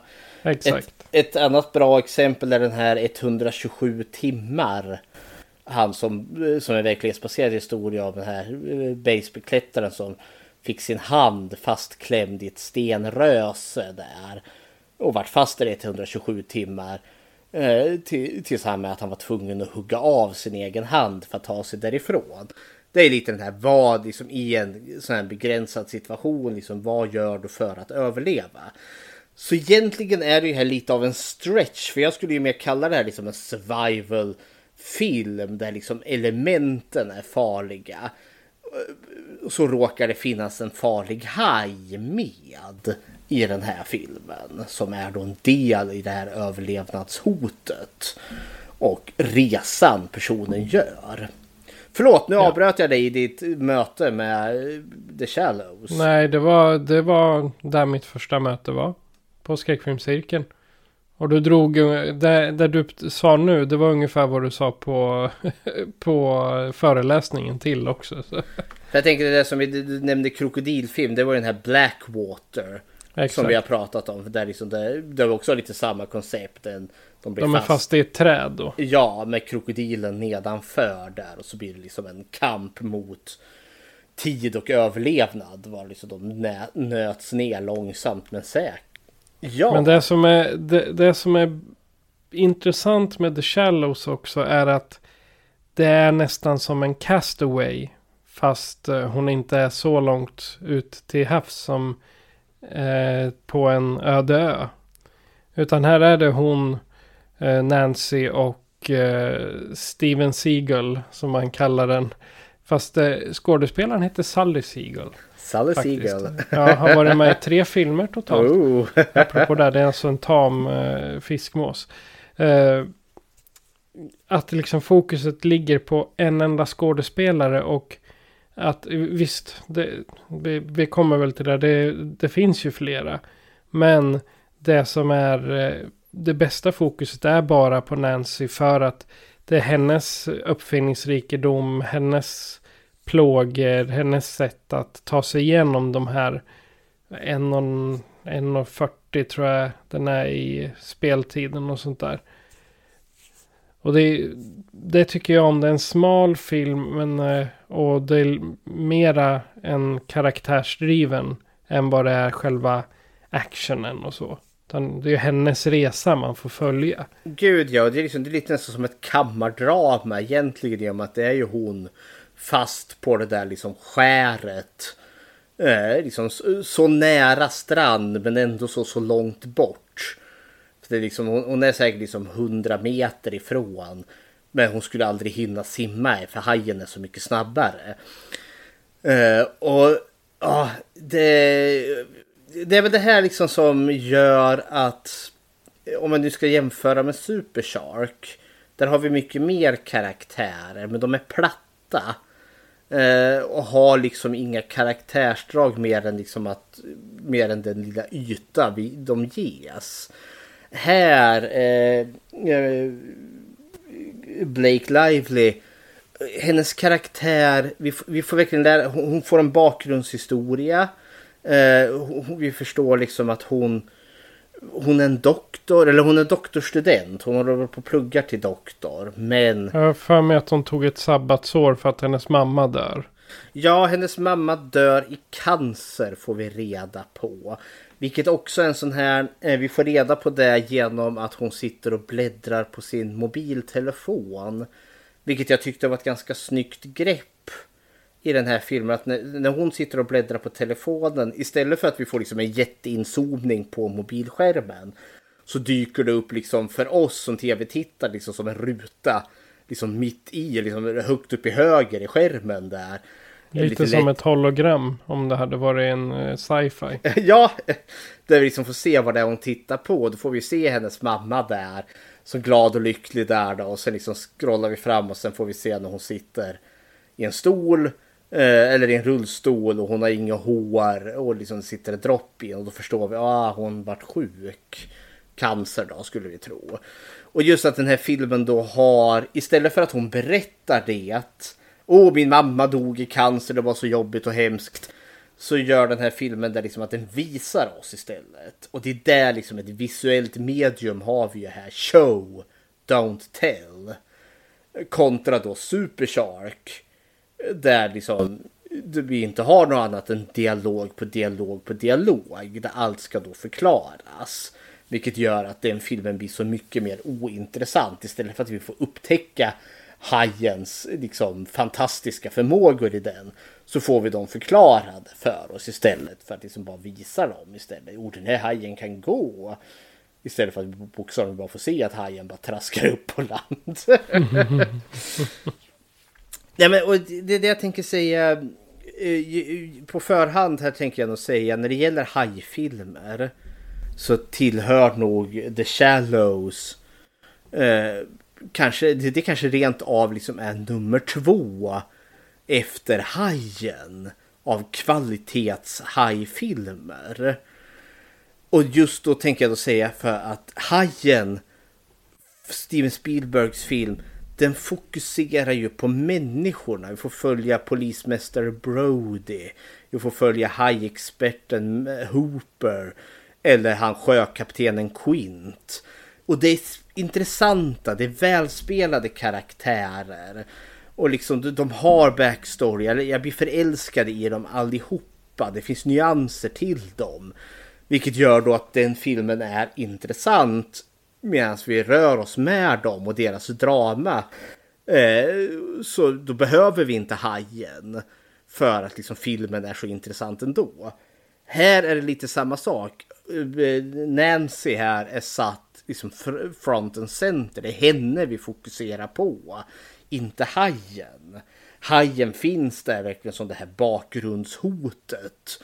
Men det är Nancy som vi fokuserar mest tid på. Så på det sättet är ju den här filmen jävligt lik Super Shark. Att istället för att liksom spendera mycket tid med hajen så spenderar vi tid med personer istället. I Super Shark så är det dialog på dialog på dialog eller Dynamite eller brudar i bikinis. Men det är skittråkigt. I den här filmen så är det majoritet Blake Lively på en liten, liten kobbe som sitter och mår dåligt. Jag mår dåligt och man ser ju, alltså det hon fram, alltså det hon utstrålar hela tiden är lösning, lösning, lösning, lösning. Jag kanske kan göra så, jag kanske kan göra så. Men hon sitter ju ett tag och tajmar hur hajen ja. simmar.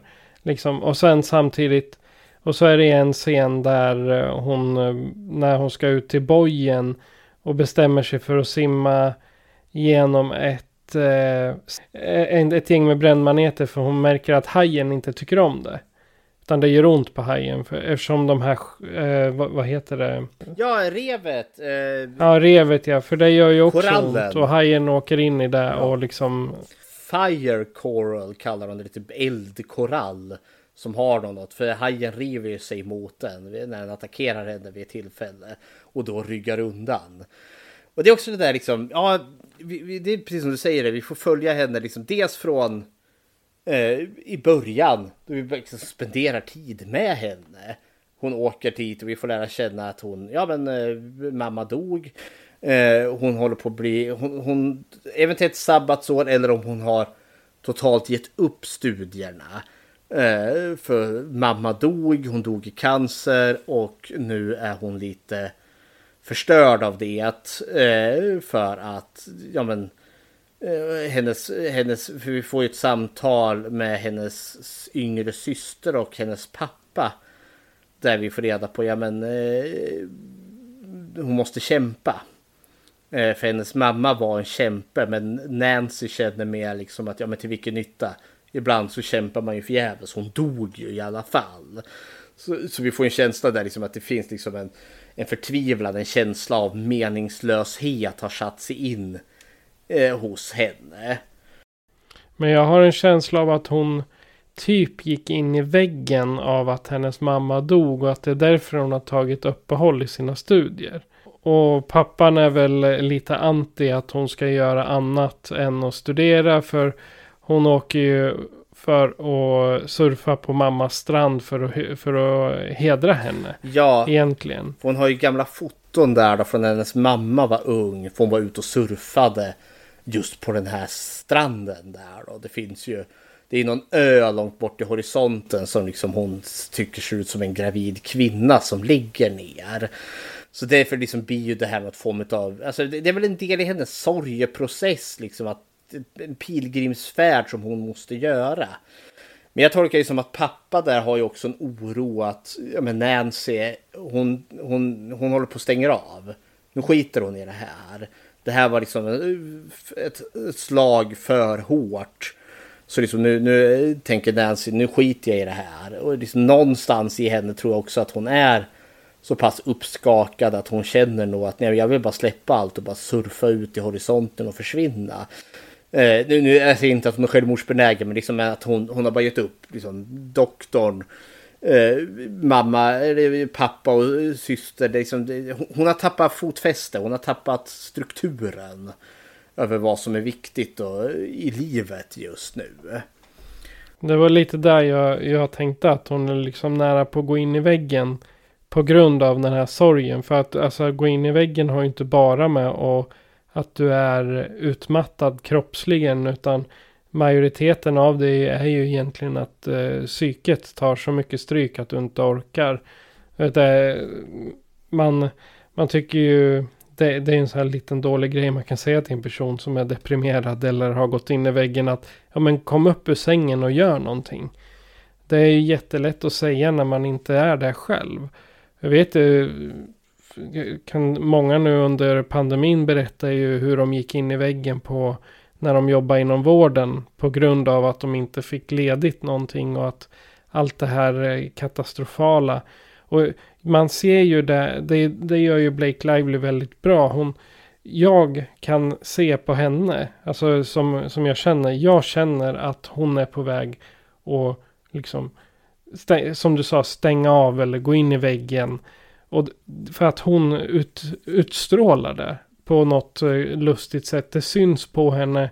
Eh, på, på, hon spelar så himla bra att hon är plågad och nere. Även fast hon ser glad ut för att få vara ute och surfa. Liksom, men henne, hela hennes utstrålning är att det är någonting som inte stämmer och att liksom orken finns inte Nej. där. Ja, men hon flyr tänker jag. Ja, i stort Hon, sett. hon flyr de här jobbiga känslorna av den här sorgen, förlusten, det här, den här meningslösa döden. Så liksom istället för att orka ta itu med saker och ting och gå vidare i livet så håller de på och stänger av här nu och liksom, ja men ska göra den här resan. Och det är då hajen, alltså blir ju det här, jag tänker hajattacken och när hon hamnar på skäret. Blir ju lite det här som ställer allt på ända. För plötsligt blir ju liksom det, det, ja, det, det var ju som du sa, ja men stig upp ur sängen. Det är inte riktigt det, men hajen kommer ju där och attackerar. Det, liksom, det är, istället för att stiga upp ur sängen så liksom bara rycker ur henne ur sängen. Och liksom, jag skiter fullständigt i dina känslor. Eh, hajen känner ju inte på det sättet. Så det, det är ett okänsligt monster som tänker äta upp henne, som kommer döda henne om hon inte tar sig ur den här situationen. Så allt blir ju liksom ställt på ända. Liksom allt som för henne innan var liksom jätteviktigt, det som hela hennes liv kretsade kring, är liksom på, liksom, på, ett, på ett ögonblick ställt på ända tack vare hajattacken. Och så ställs ju allt på ett nytt ljus. Liksom, för hon, ja men dels är hon i den här, jag måste överleva, men hon har också den här realiteten att jag kanske inte överlever det här. För vi får ju en scen då hon senare liksom eh, gör en liten GoPro-video där till sin, ja till eftervärlden. Ja, hon skickar, alltså hon skickar väl iväg den på rent, alltså på vinst och Ja. förlust. För hon känner ju att, ja men snart är det, är det kört för mig. Mm. Så då får hon tag i den och säger, hej om någon ser dig här behöver jag hjälp. Mm. Bla bla bla, jag är här och här. Eh, En haj har bitit mig. Mm. Ja, hit och dit. Och skickar iväg den och hoppas på det bästa. Och det ser man ju sen att grabben hittar kameran. Ja, tack och lov. Och, men samtidigt i det där också så är det ju också så ger hon ju då sin kärleksförklaring till sin pappa och till sin syster där då. För jag tänker i det så liksom finns det ju liksom den lilla garanten att ja men om hon inte tar sig härifrån med livet i behåll så finns åtminstone det kvar. Så det inte vart liksom det här för, jag, för de har ju ett samtal där mellan hon och pappa och det är inte sånt här liksom gap och skrik samtal utan det är den här det blir en tråkig stämning. Ja, han vill att hon ska fortsätta men hon vill inte prata om det. Och det blir liksom, det, det slutar ju liksom inte som att de är ovänner men det slutar ju liksom på en, på en olycklig eh, ton så att säga. Hon är lite besegrad och hennes pappa är bekymrad. Så där liksom då skulle då om hon nu hade dött där så hade det varit deras sista samtal. Så därför blir den här GoPro-videon viktig för henne också att faktiskt få kunna ge om det här blir hennes sista röst. Och sen som du säger, det är ju på vinst och förlust. Hon vet ju inte ens om den kommer bli hittad. Men jag tänker liksom, det är resan hon gör. Från liksom... Ja, hon, hon, hon är ju inte besegrad heller i början. Hon är plågad. Ja, alltså innan, innan hajen kommer. Ja. Men sen liksom går hon ju liksom från det här. Ja men, ja men från det här akuta traumat när hon blir biten av hajen. Och måste överleva den. Och liksom hon måste ju tänka. På det sättet är ju hon en riktig final girl här. För du? Det är hon liksom måste- definitivt. hon måste liksom i extremt stressade situationer hitta en lösning fort som satan i gatan. För hajjäveln är ju henne hack i häl. Och är liksom skräckslagen, terroriserad av den där jävla hajen.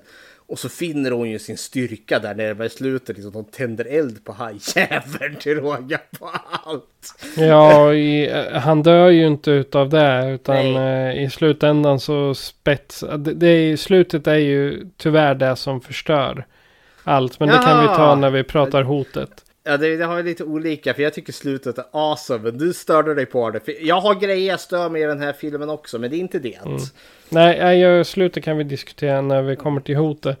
Men eh, jag läste... Eh, för det första så visste jag inte att Blake Lively var, var gift med Ryan Reynolds. Det var Jaha, helt... oj, det hade jag inte heller koll på. Nej, de har fyra barn tillsammans. Ja, det var det värsta. Så, ja. Eh, hon var uppenbarligen gravid med sitt andra barn när de filmade den här. Det måste ha varit tidigt i graviditeten ja, här. Jo, ja, det, det var ju det, annars hade det synt. Mm -hmm.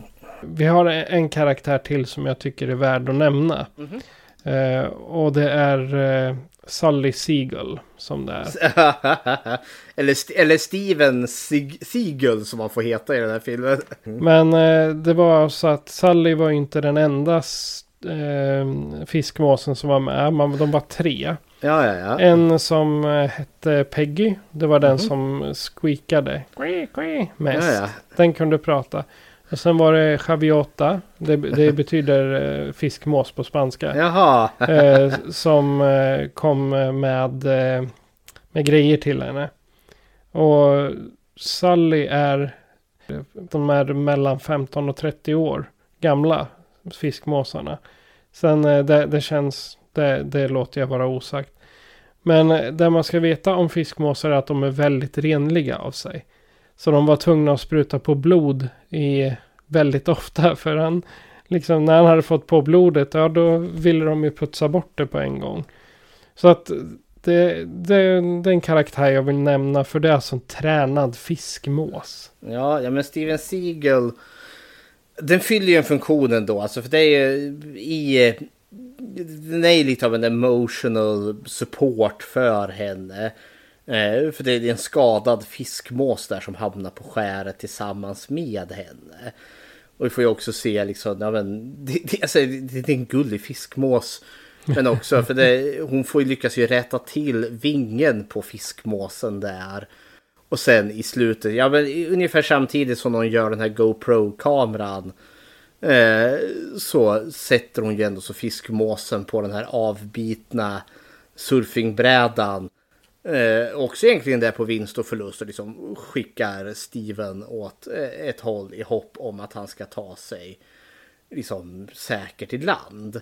Men också liksom hon säger, för, för där blir hon ju lite hennes doktor träning kopplar ju in där, liksom hon pratar liksom till, ja men you're gonna be alright. Och då tänker jag också att det hon säger liksom är, är också som ett mantra till henne själv.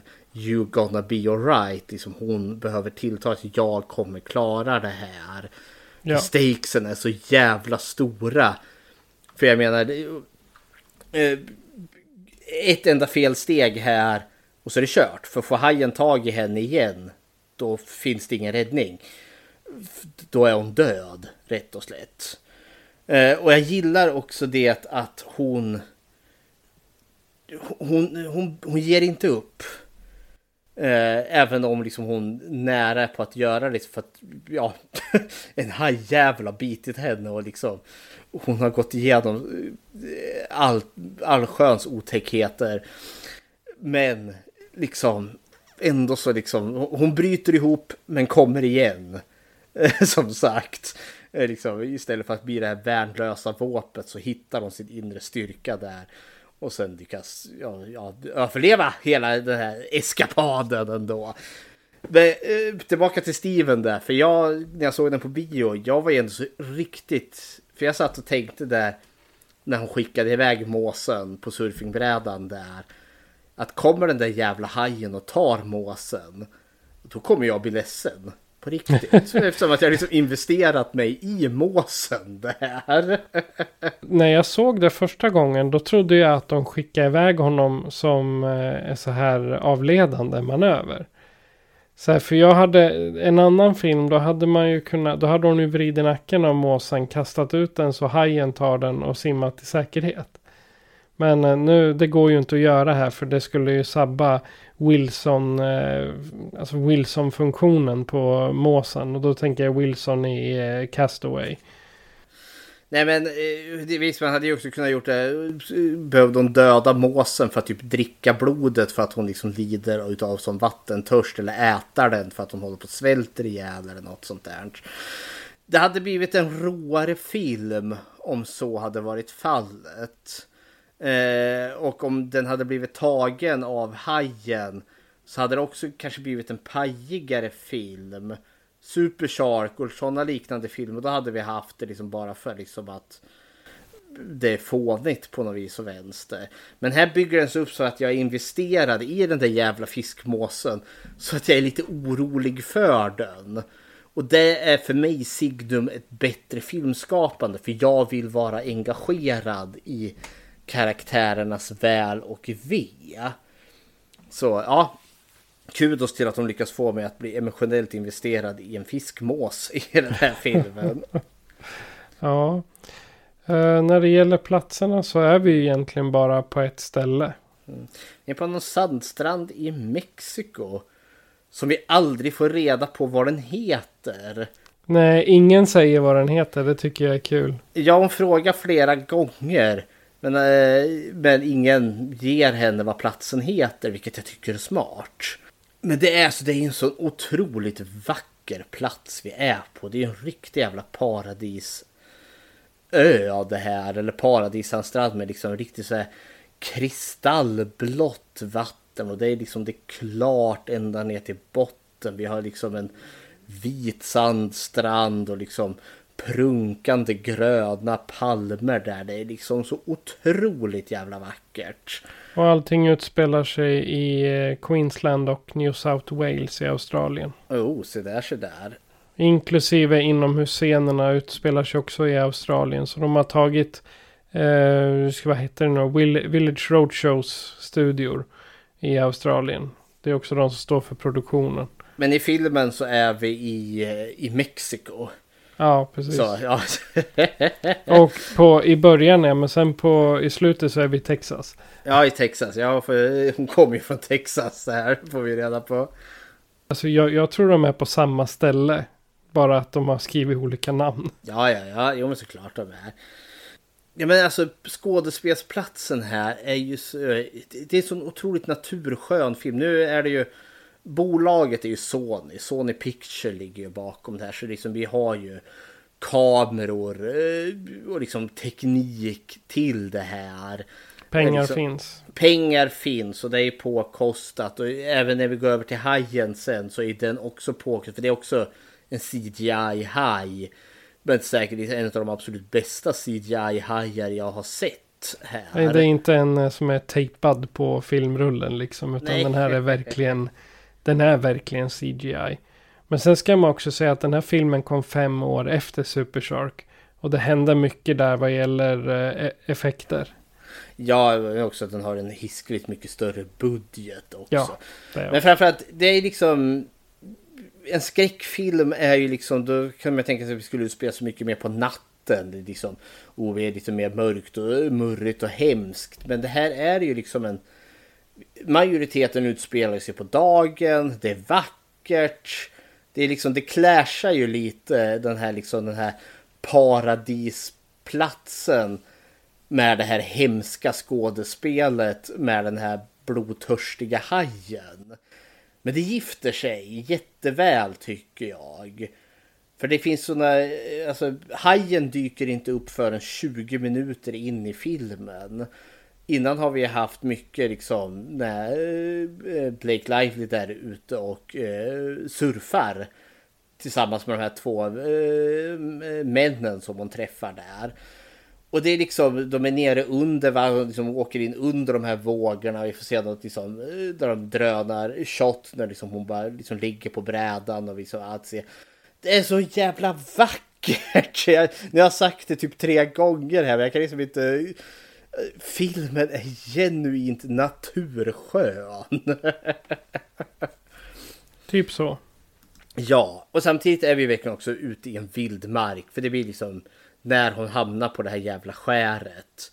så känns det ju verkligen som att, ja men som i en annan film där man kanske, ja men sista färden, vi är i en mörk, murrig skog långt borta från eh, all plats, all, vad heter civilisation. Så är ju det här samma sak, fast då på en paradisö istället. Plötsligt blir det ett hot. Att hon är fast på den här lilla kobben. Eh, trots att allt är så jävla vackert och fint så blir plötsligt liksom det vackra livsfarligt runt omkring henne. Plötsligt blir liksom istället för liksom en mörk murrig skog där man liksom tror att Jason står bakom varje hörn. Eh, som känns mer naturligt att här ska det vara läskigt. Eh, så är det här liksom en otroligt vacker skön plats. Men döden är hotande närvarande. Definitivt. Det, hot eller hot här nu då. Jag, jag, skulle, jag önskar att det fanns ett ljud för hajar. För i sådana fall hade jag lagt in det. Hajen i den här filmen. Vad tycker du om hajen i den här? Det, det jag tycker om i den här är att man inte får se hajen sådär jätteofta. Och du, du får inte se hajen så ofta och när du väl får se den så är det bara i, på engelska blir det blink of an eye. Alltså blinka så missar du den. Det, är, det jag har lite att säga om minus det är på mot slutet. Där. När hajen ska dö. För där kommer en nästan lite övernat inte övernaturligt men det är för mycket superhjältegrej att skicka ner hajen på de där eh, metallpinnarna i botten som bojen satt fast i. Det, det är en cool scen men eh, nej, jag tycker inte det är snyggt. Det hade varit bättre om den där eh, Eh, pistolen de skjuter med, signalpistolen, om den skulle fatta eld inne i hajen och Ja, nej, jag har inte problem med slutet faktiskt. För jag tyckte att det var ett ganska fräckt och unikt sätt att döda en sån här skräckfilmshaj. För allt som ofta sprängs de ju. Eh, Smile just Sandavavich of a bitch från hajen där och så spränger vi den.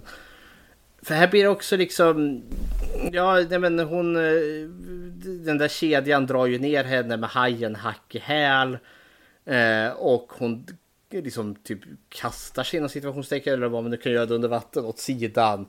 Medan den då kommer med full fart och spetsar sig själv där då. Jag tyckte det var ett ganska unikt sätt för den att dö på. Jag har inte riktigt sett det i en hajfilm förut.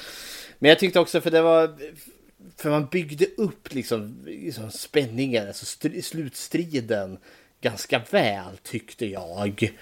Eh, precis som du säger, vi har inte fått sett så mycket av hajen. Den kommer, vi får se skuggan av den eller den bara silhuettar förbi. Men så får vi se så mycket mer av det närmare slutet. Precis som i Hajen då.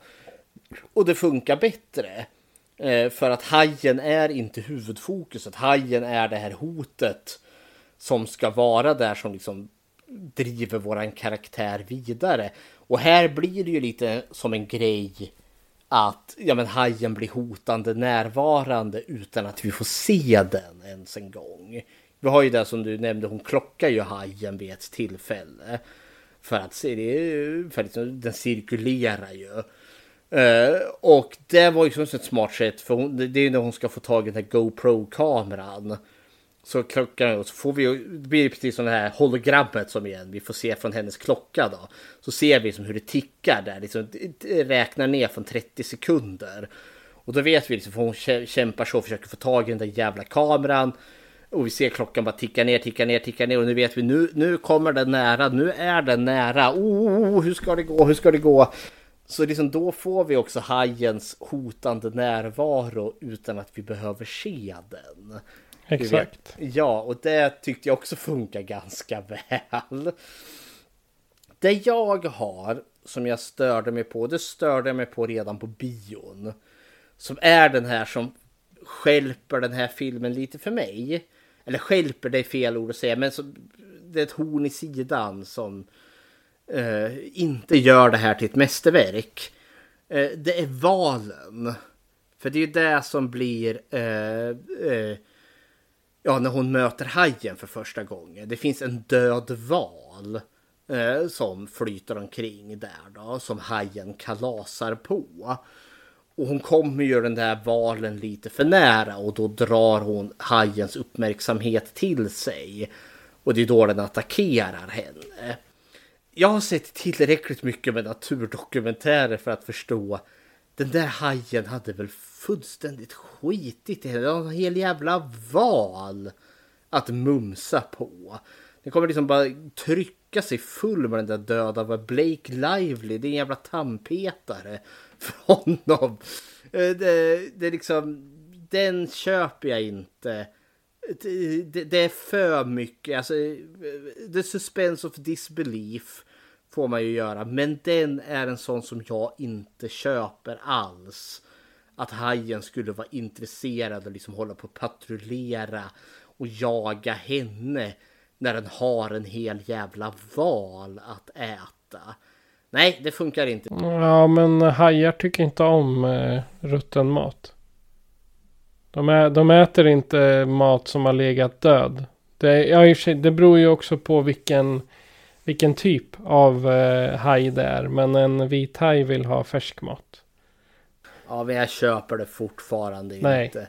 Det är för, nej.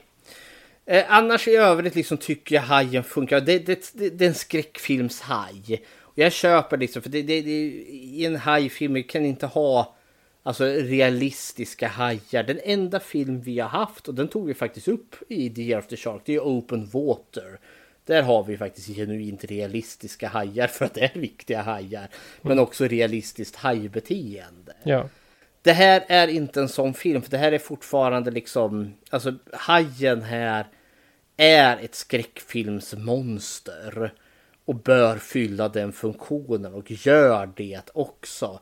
Det är eh, the villain, the horror villain Eh, som då våran final girl ska besegra, kämpa emot och komma undan.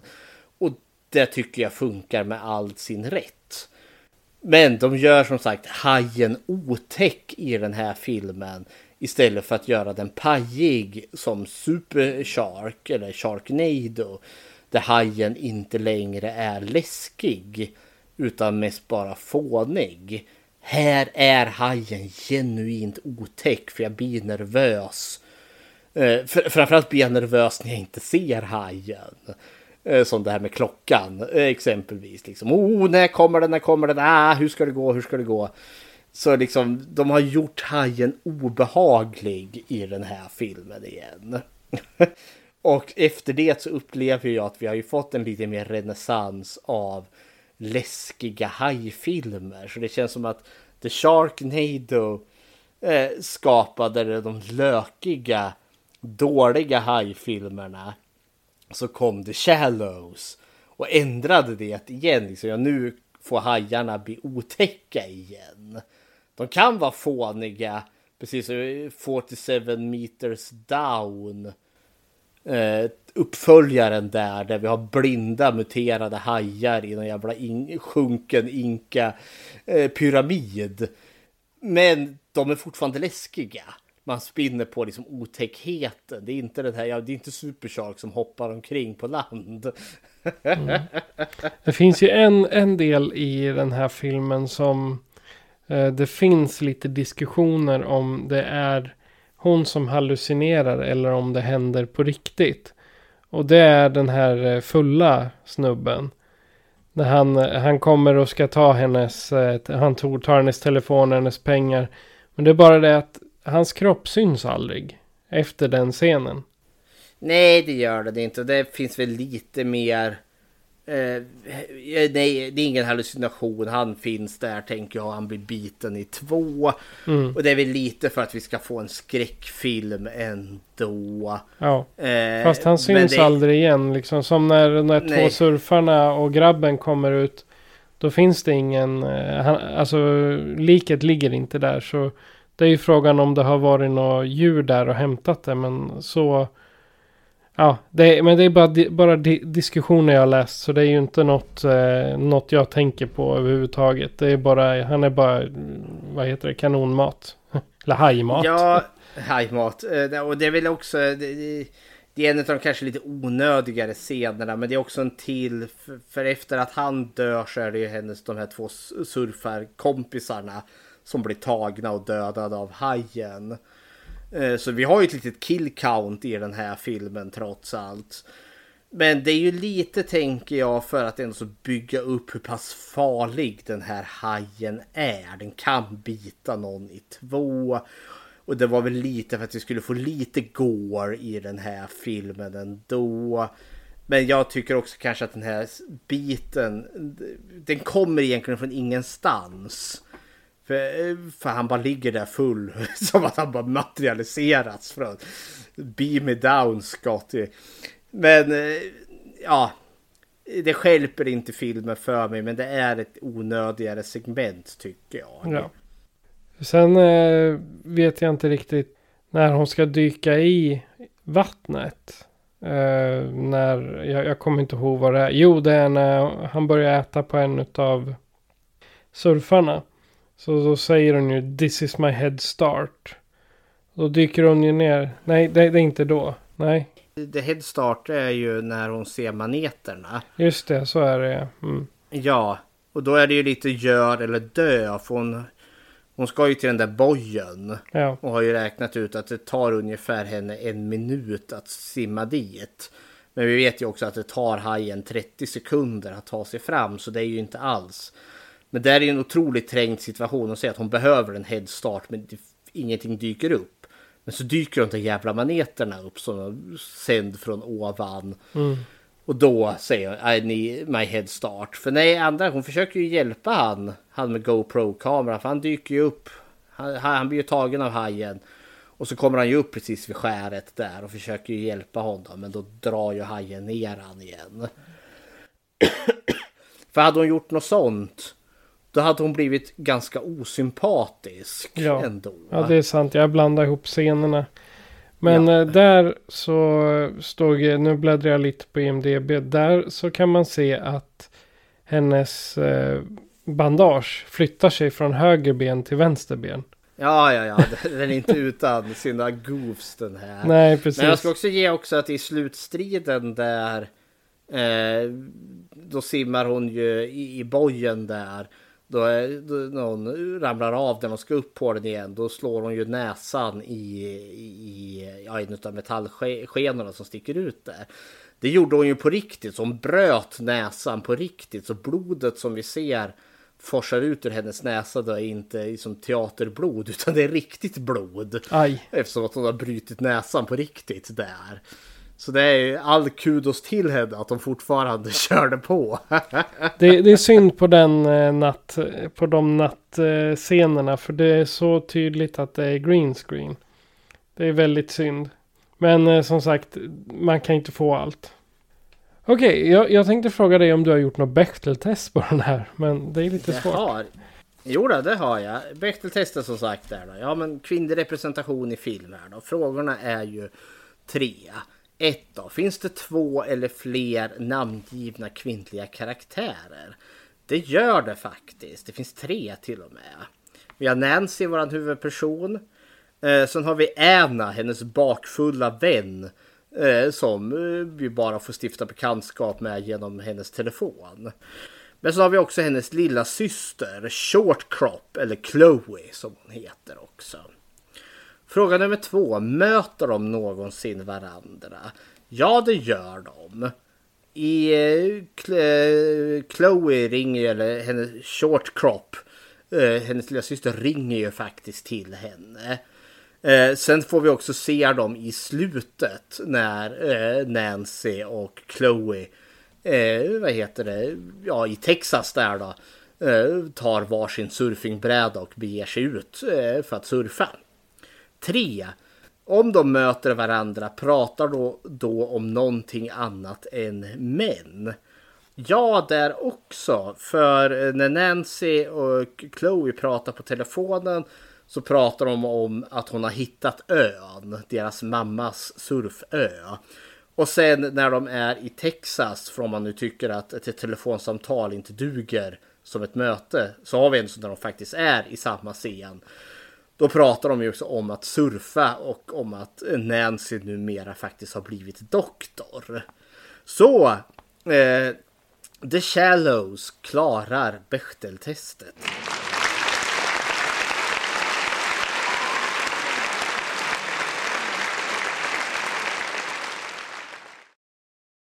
Dina slutliga tankar då och ett betyg?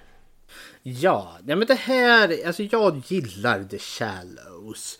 Jag tycker att den här tillsammans med Open Water är faktiskt de, liksom, de står nästan på delad andra plats efter Steven Spielbergs Hajen som de bästa hajfilmerna gjorda. Jag gillar att den här är påkostad. Jag, jag gillar att den är vacker. Jag gillar Nancys, Blake Livelys karaktärs resa. Jag gillar att de gör hajen otäck igen.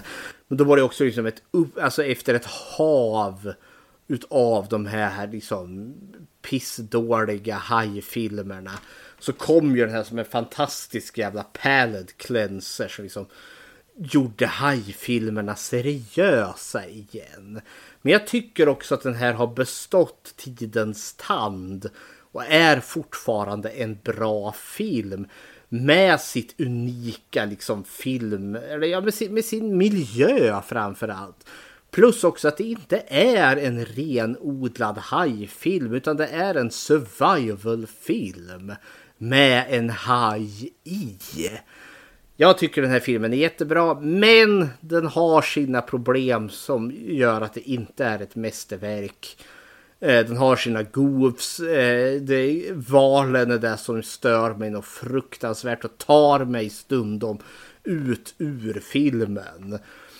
Så det, men trots allt en bra film så det här är en fyra av fem för mig. Mm.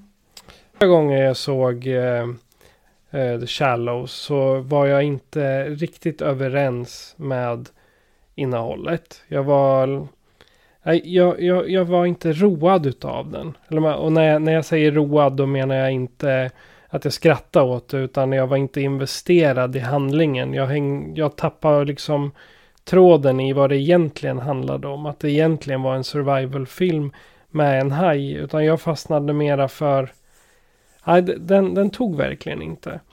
Men sen nu när jag tittar inför det här avsnittet och liksom läst läste på lite och tittade på filmen med bara fokus på filmen. Då kunde jag ta in det som hände runt om betydligt mer.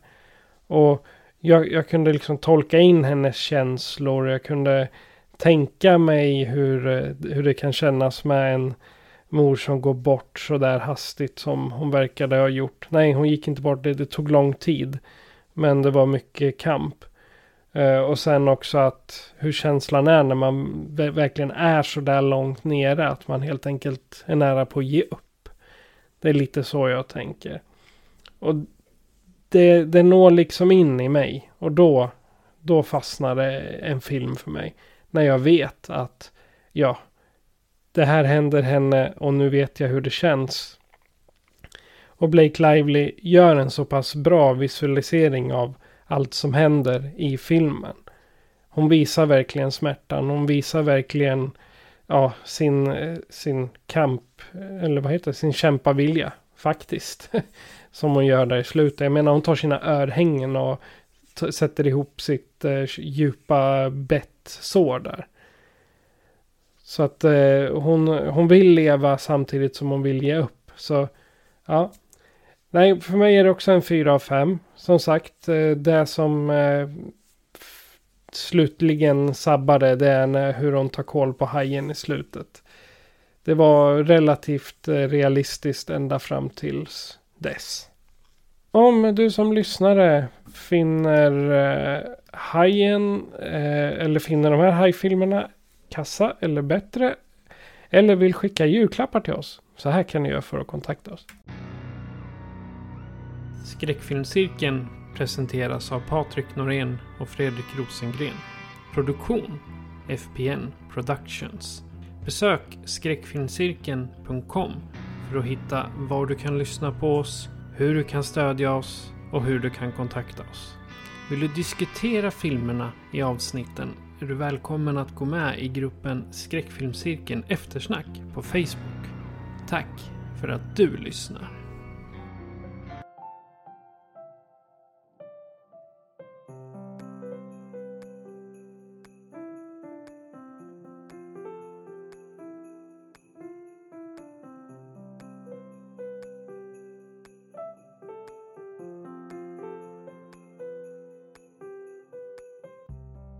Så Fredrik, klockan är ungefär två när vi är färdiga med det här avsnittet. Hur känns det? Hajar du den här julen lite bättre? Nej, man gör väl det. Men nu känns det bra att gå vidare och lämna hajarna bakom oss. Och så Ja. blicka in på nyåret som kommer det här. Om bara en vecka. Ja, men bara en vecka.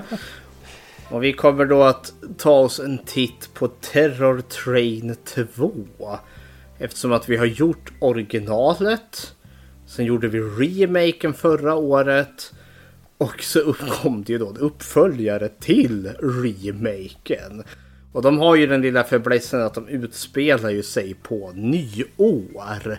Så det känns det ju då lite lämpligt. Men så nyårsavsnittet, då är då vi ska göra bokslut för 2023. Och sen ja, göra ett bokslut på Terror Train också då. Ja, att vara färdiga med det. Tänk vad kul om det kommer ytterligare en Terror Train nästa år. Vi får väl göra det som en liten eh, eh, tradition då. Att om det kommer en ny Terror Train då blir det en nyårsavsnitt. Jajamän. Och dela gärna den här podden med era vänner. Eh, lämna lite bra betyg på poddkanalerna som ni lyssnar igenom. Så då har vi inte mycket mer att säga än att jag heter Patrik. Och jag heter Fredrik. God jul allihopa! God jul! Dancer and and Vixen Comet and Cupid and Donner and Blitzen But do you recall the most famous reindeer of all? Skräckfilmscirkeln.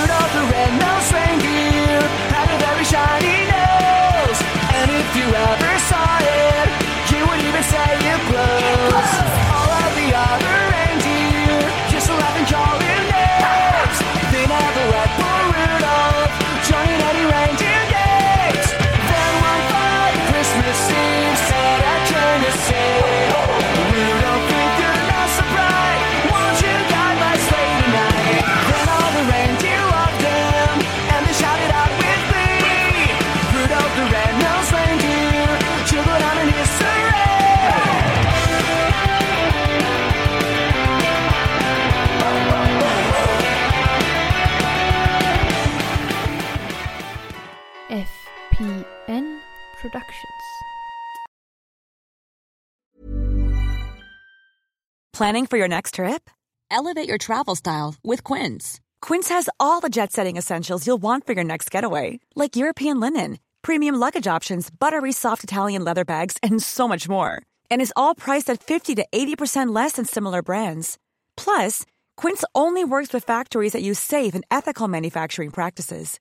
Pack your bags with high-quality essentials you'll be wearing for vacations to come with Quince. Go to quince.com slash pack for free shipping and 365-day returns.